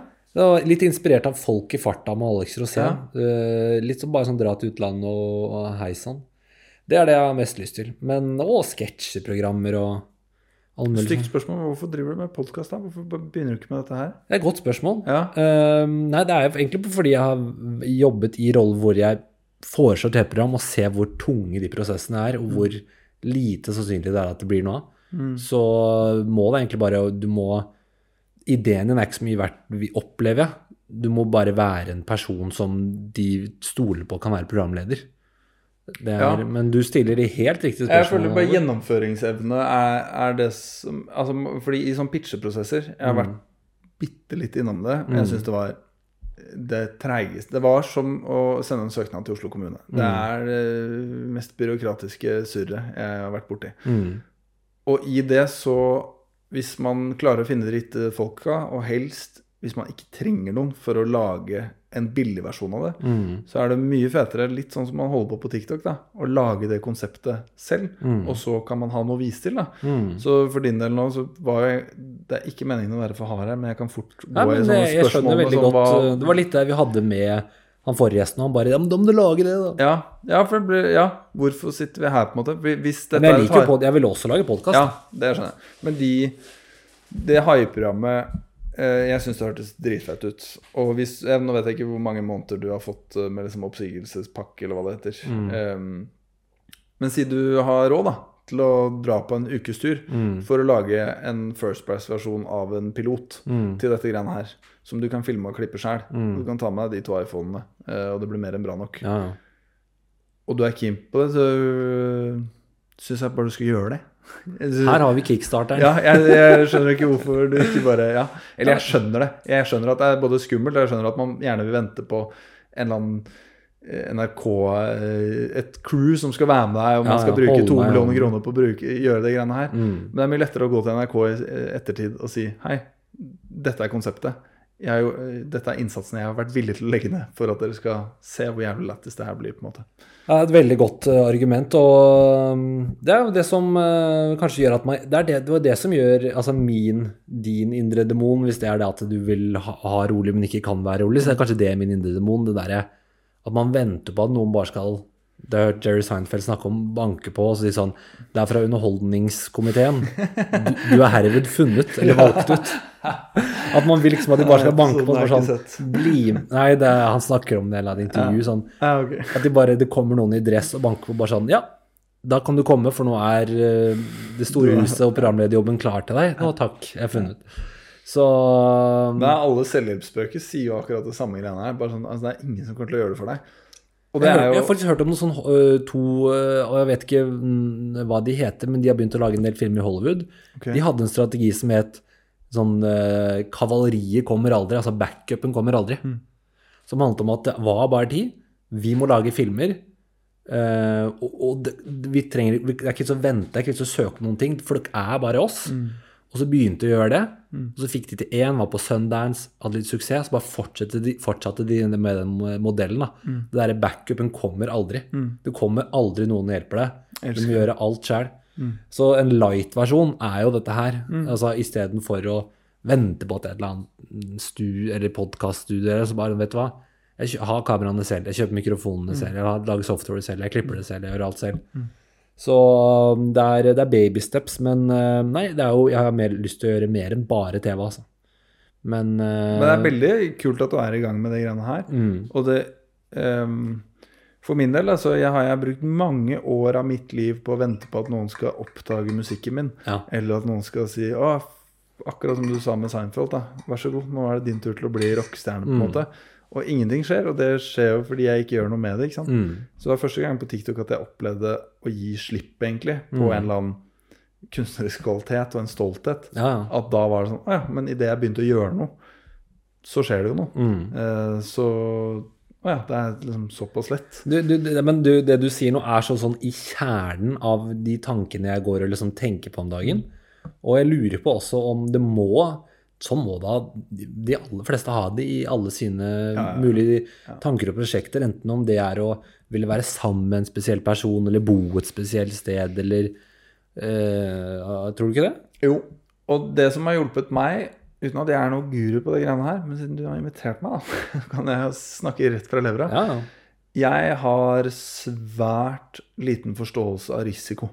Jeg har ingen forståelse av pengers verdi, mm. eller respekt for pengers verdi. Jeg har ingen eh, forståelse eller respekt for en eller annen altså Om det må være institusjoner eller eh, forplikt... Altså, jeg, jeg kan godt forplikte meg til noe, og jeg kan godt holde en avtale, hele pakka, det er greit nok, men jeg har ikke noe eh, følelser i stor grad knyttet til det å endre på noe, da. Eh, så hvis, sånn som i dag, har jeg x antall kroner på konto. Hvis det blir borte i morgen, så går det helt fint. Mm. Det er ingen krise. Eh, og samme med jobb. Å nei, jeg mista jobben. Ja, det går bra. Det løser seg. Og mye av dette ligger jo selvfølgelig i hvor psyko heldige vi er som bor her i landet. Mm. Eh, men noe annet av det er faktisk å oppleve det òg. Og det er erfaringsbasert læring som vi gjerne vil at elevene skal gjøre mer av. Mm. Ikke bare sitte og regne, men hva skjer når du regner feil på månedslønnen? Når du regner feil på skatten? Jo, det er jævlig dyrt, det. Å regne feilen, det er erfaringsbasert læring. Men det har jeg drevet veldig mye med fordi jeg ikke har gjort noe bra på skolen. Så har jeg måttet erfare hele tiden hvordan det er å drite seg ut, eller hvordan det er å gjøre ting feil, eller bla, bla, bla. Og derfor har jeg veldig lav grad av liksom, nervøsitet rundt å teste ting. Da. Fordi jeg har erfaring med at ting løser seg. Mm. Jeg tror jeg gikk gjennom hele videregående uten å forberede meg til én prøve. Det er selvfølgelig overdrevet. Det ble 3,1. ja, men i det så er åpenbart erfaringen Det løste seg. Ja. Eh, og det er ikke nødvendigvis så positivt, det, for jeg trengte også erfaringen jeg fikk etterpå på sånn knallhard musikkskole, at du er null verdt, og det var liksom militærsystem, om at du må legge ned innsats og hele pakka. ja, var det i California? Ja, men poenget er bare hvis du har en eller annen drøm, da, Mm. eller en eller annen visjon om å lage det programmet, og det er det som står øverst på prioriteringslista, så Mm. Og du, du har klart å spare opp 15 eller 20 000 kroner eller et eller annet som trengs for å gjennomføre det Mm. på enklest mulig måte, Mm. Da, ble det sånn, da, da, da er det bare å gjøre det. Mm. Ja, det er et godt poeng. Ja. Og det, det er nok den mentaliteten jeg forhåpentligvis uh, har levd etter i en liten stund, og i større grad klarer å leve etter fremover. Fordi vi, vi eier ja, Nå ble jeg veldig sånn rødt-politiker her, Ja, uten at jeg egentlig er det. Men vi, vi knytter verdi til ting som ikke har verdi. Vi, Mm. vi bygger et forbrukersamfunn med ting som ikke med ting vi ikke trenger. Eh, vi pusher skjermer og produkter på folk som de ikke visste at de trodde de trengte. Vi lurer belønningssystemet deres for å Mm. tjene mer og mer penger. Og vi, vi gjør dette for hva? Hva er, hva er det vi jager etter? Eh, og det er fascinerende å se på sånn lykketall fra hvem er det som er lykkeligst her i landet. Jo, det er Mm. eldre på Vestlandet som er på en måte ferdig. De, de, har, de har jaget, og så har de landet på at de har det fint.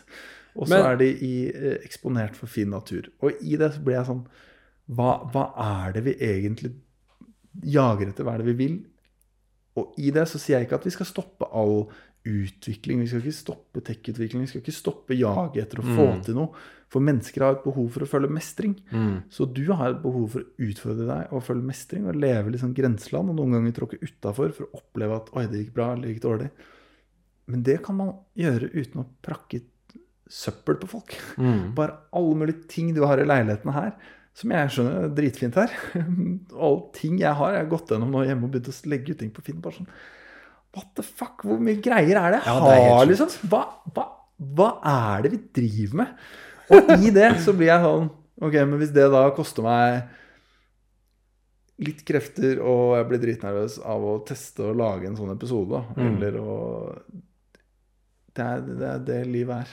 Det. Ja, nå ble det litt uh, Ja, ja, men jeg, jeg, jeg, du tenker eh, Eller jeg sier ikke alltid så høyt, men disse tankene du sier, det tenker jo jeg òg. Ja. men, men så ble jeg kanskje litt fort sittende på gjerdet og være litt sånn Jeg vet hva, kanskje det er enklere å forholde seg til det litt mer som en sånn La, la meg bare kalle en NTNU-student som heter Martin, liksom, da. Mm. Altså en streiting. Jævla Martin. Eh, som, og jeg kan være Martin sjæl innimellom, jeg, men liksom som bare ja, syns det er fantastisk i multiconsult, og det er spennende oppgaver, og uh, får seg kjæreste og har leilighet og syns det er gøy å spille fotball. Liksom, at ikke det er For jeg blir så sånn Og skulle ønske, litt sånn som du sa, at det var eh, liksom nok, men som det alltid er sånn Å nei, jeg må Jeg vil bli programleder eller komiker. Det, absolutt, det må jeg være. Så sånn, hvorfor må jeg være det? Vet da faen, jeg. Jeg prøvde å snakke litt med faren min om det, og noen kompiser. bare sånn, Så sa jeg bare sånn Det jeg egentlig vil, er jo å ha anerkjennelse. Mm. Og, og så sa faren min sånn Ja, kanskje er det fordi du fikk for lite når du var liten, fordi du er yngst i- blant søsknene. Så min løsning for å få oppmerksomhet har alltid vært å si noe morsomt. Sant? Det er sånn du får respekt blant brødrene mine sine venner, eller hva enn det skal være. Men for det samme, det er jo at andre morsomme folk syns jeg er morsom. At folk som lager morsomme TV-programmer, syns jeg er så morsom at de vil invitere meg med. Og så har jeg jo hele tiden vært sånn da i eh, spagaten mellom å være en streiting og en tullekopp. For jeg sier sånn, ja, jeg, jeg kan tulle, men jeg kan også eh, ta ansvar for å få dette laget og gjøre det ordentlig.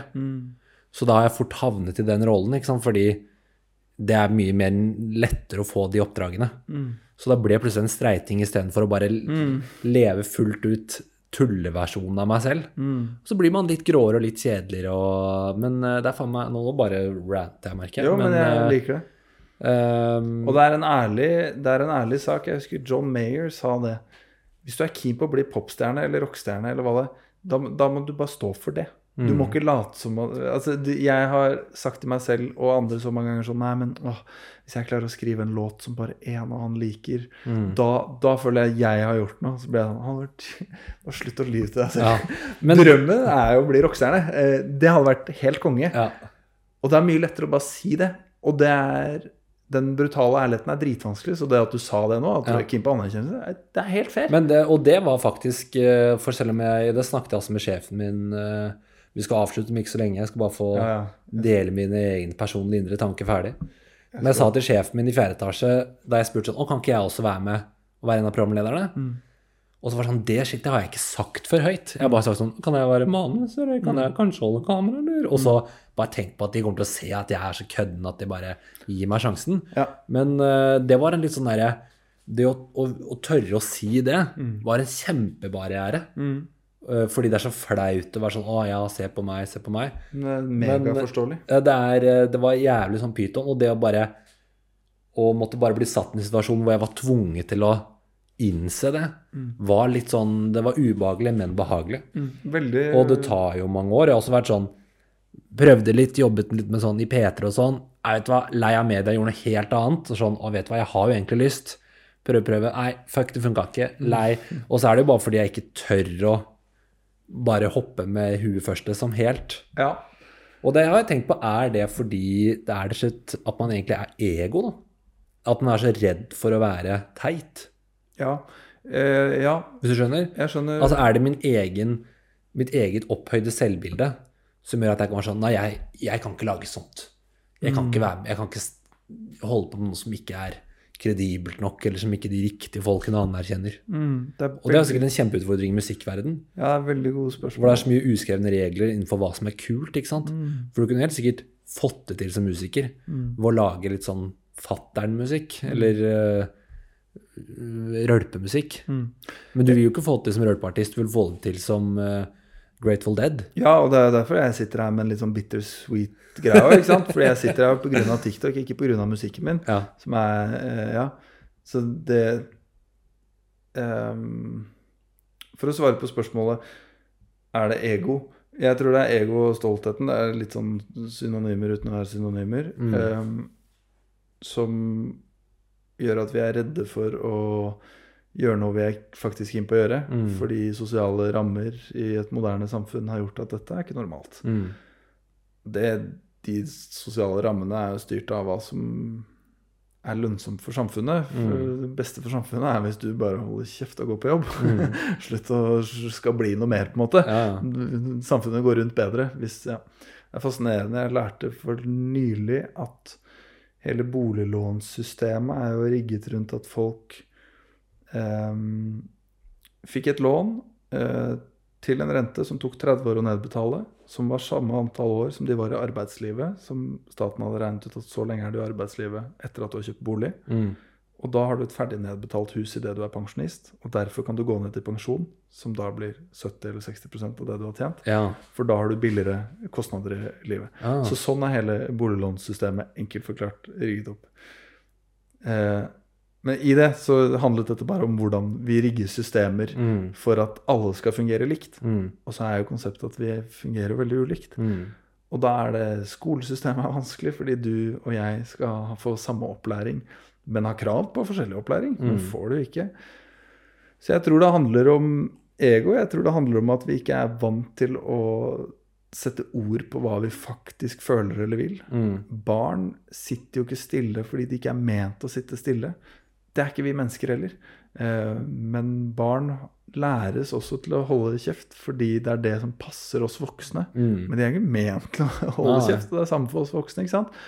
Så i det så ble jeg veldig motivert av å høre at du hadde sagt fra til sjefen din i fjerde etasje at jeg, jeg, jeg har lyst til å stå foran kamera her. For det tror jeg er det eneste riktige å gjøre. Er å Ja, ja, vi hadde, helt- masse mø vi hadde møte med HR og sånn. Mm. Ja, kanskje at det var snakk om liksom Hvis ikke du vil, så kan du slutte. Mm. Men, eh, men da det blir synd, det er synd for oss alle og alt mulig sånn. Mm. Men jeg var skikkelig sånn. Det var jeg var én dag unna å bare si You know what, fuck this. Hvis Ja. ikke jeg får være med, så er jeg out. Ja. Når var det, hvem var det som var med som programleder da? Eh, det var eh, Ole Fotland, Kristoffer og Pernille. Så det var en veldig fin gjeng, og vi hadde det veldig bra. Men Ja. eh, det er jo bare en sånn eh, slags liten egotripp. da, Men så måtte jeg også minne meg selv litt på at hva er alternativet? Ja, du kan slutte med det, men det å være med her er jo også gøy. Man får jo egentlig bli behandlet som en konge, få vært med på masse, få masse morsomme muligheter. Få være en del av det. de, er de ferdig med fjerde etasje nå? De la det ned. Men han starta med noe annet, med han Oliver? Eh, det er det gaminghuset. Som er en, på en måte en annen eh, Så jeg kan ikke ledelsens indre tanker. Men først så skulle vi alt av YouTube, og nå vet jeg at gaming er tilbake på YouTube. Ja, fordi de driver med et gaming Nei, de driver med et YouTube-prosjekt for NRK nå. Ja, og han ene som jobbet i Fetasje, som var mest gaminginteressert, jobber der nå. Jobbet i hvert fall da. Så jeg er litt usikker. Jeg har ikke helt um Jeg har ikke helt uh, fulgt så nøye med, for å være ærlig. Det er ikke meningen å sjekke mobilen. Jeg skal Ja, det går fint. Vi har snakket så utrolig lenge. Hva er klokka nå? Klokka er litt over fire. Jeg skal møte en dame som har min gamle hund. Hun har overtok min hund som jeg hadde i seks-syv år for to år siden, tror jeg. Og så uh, skal jeg passe han nå i en uke. Yes. Så det er veldig hyggelig, så jeg skal møte henne en eller annen gang. Men hun har ikke sendt melding. Men det var derfor jeg sjekka. Ja, sånn, ja. Nei, men det går helt fint. Um, jeg har egentlig ikke Jeg tok ikke opp uh, stikkordsark én gang, jeg. Men det, vi har vært innom alle, tror jeg. Perfekt. Så veldig hyggelig at du kom og prata. Og hvis noen fortsatt hører på, så er de Det er er sterkt. de, er de cycles. Ja, det er sterkt. Tusen hjertelig takk for invitasjonen. Jo, bare hyggelig. Det var veldig hyggelig å være her. Og så håper jeg du gønner på med haifrykt uh, i et eller annet billig variant som du filmer selv, eller får med en kompis på. Jeg ble veldig inspirert, så det kan godt hende at det kommer nå. Altså. Ja, Nei, jeg skal, Det der nye prosjektet mitt det er veldig lett å kalle ting prosjekter, syns jeg. Fordi det gir det bare en passe nok distanse til at man slipper å ta noe stilling til om det går utover meg selv personlig om prosjektet går dårlig. Skjønner jeg mener? Alle kaller ting prosjekt. Jeg har en liten sånn kjepphest om å kalle ting prosjekt eller ikke. Uh, ja, fordi da er det på en måte Det gir Det er ikke en del av deg, det er, det er bare noe du Ja, det gir liksom den lille distansen fra Apropos Du innrømmer ikke at det faktisk er det som du vil drive med akkurat. du må, eller du, som skal til for å holde motivasjonen din Det er akkurat det vi har snakket om nå. Det å tørre å stå for at Nei, Mm. men dette er det jeg er keen på å gjøre akkurat nå. Jeg synes du, ja, og du er jo veldig god til å forklare og sånn, så jeg tror det er et format som passer bra. Ja. Ja. Og så noe vi jobba litt med i NRK som du kan ta med deg, er det derre det som vi kaller T-banemodellen. At du prøver noe. Hvis det funker, så tar du det som funka bra, fortsetter med det. Ja. Så prøver du ting. Kanskje du tar en bomvei, så går du kanskje tilbake, prøver en annen vei. Altså det å, man trenger jo ikke å ha funnet perfekt form før man begynner. Formen kan jo Ja. forme seg litt etter hvert. Så jeg syns det høres ut som en veldig fin plan. Jeg. Høres reflektert ut. Men hvor kommer det? På YouTube, var det det? Ja, det, det, jeg, min plattform er jo på TikTok. Ja. Så eh, det promoteringen og klipp, altså småtemaer Jeg skal lage godt TikTok-innhold som er har en verdi i seg selv på Ja. TikTok, men som også må referere til en Spotify- eller YouTube-link. da. Ja. Og i det så har ikke jeg satt helt malen på dette, men jeg har lyst det til å dukker lage nok opp et sted. jeg, som jeg har prøvd å si før, hvis det har gått dårlig, så er det Nei, altså hvis du ikke har sett det, så er det fordi det ikke er bra nok. Og hvis du har sett det, så er det fordi det er bra nok. Da har det dukket opp i For you-page. Det er smart sagt. Ja. Men det um, Så forhåpentligvis så ser du det. så du kommer til å plage deg på en eller annen skjerm Ja, eh, i nær fremtid, eller kanskje etter jul en eller annen gang. Nå kommer desember, vet du, da blir det shitshow på alle plattformer. Da skal alle ha julekalendere. TikTok i fjor, jeg undervurderte helt hvor jævlig det var på TikTok i desember i fjor. Jeg tenkte sånn, ok, men fett, jeg lager den villeste julekalenderen. Ingen kommer til å slå de greiene her. Jeg brukte time etter time på filming og klipping og fullt show. Aldri hatt så dårlig seertall i hele mitt liv. Men jeg tror med den måten, den frekvensen og innsatsen du holder på med, så er du jo dømt til uh, øh, at et eller annet blir en uh, kommer til å lykkes etter hvert. Ja, og de, de, de, i den kalenderen så var det det, og jo mer kontroversielt det var, jo verre gikk det, på en måte. Eller bedre gikk det. nå tenker jeg mer på deg som person. Jeg. Ja, sånn, ja. Om det blir å lage sykler av treverk eller bambusboksere eller eller bygge barnehjem i Sør-Amerika, så er det sånn Du har en, øh, en øh, bra starter engine, så det Ja, det er hyggelig at du sier. Det Og så håper jeg at den eh, engine eh, holder ut med et eller annet. da, så føler jeg at jeg lærer mer om meg selv, og det er positivt. fordi da klarer jeg også å forstå når jeg må gå ned til liksom Altså ikke eh, gire ned til tredje for å trå hardt på gassen, men kan Ja. ligge og liksom slure litt.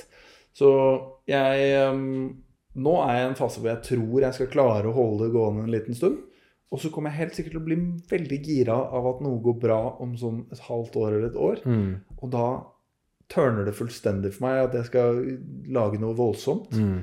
Og så går jeg rett på veggen igjen. Eh, Men målet er at den perioden skal trekkes ut så lenge som mulig. Ja, men konge. Takk for at du kom. Eh, takk for meg. Ha det godt.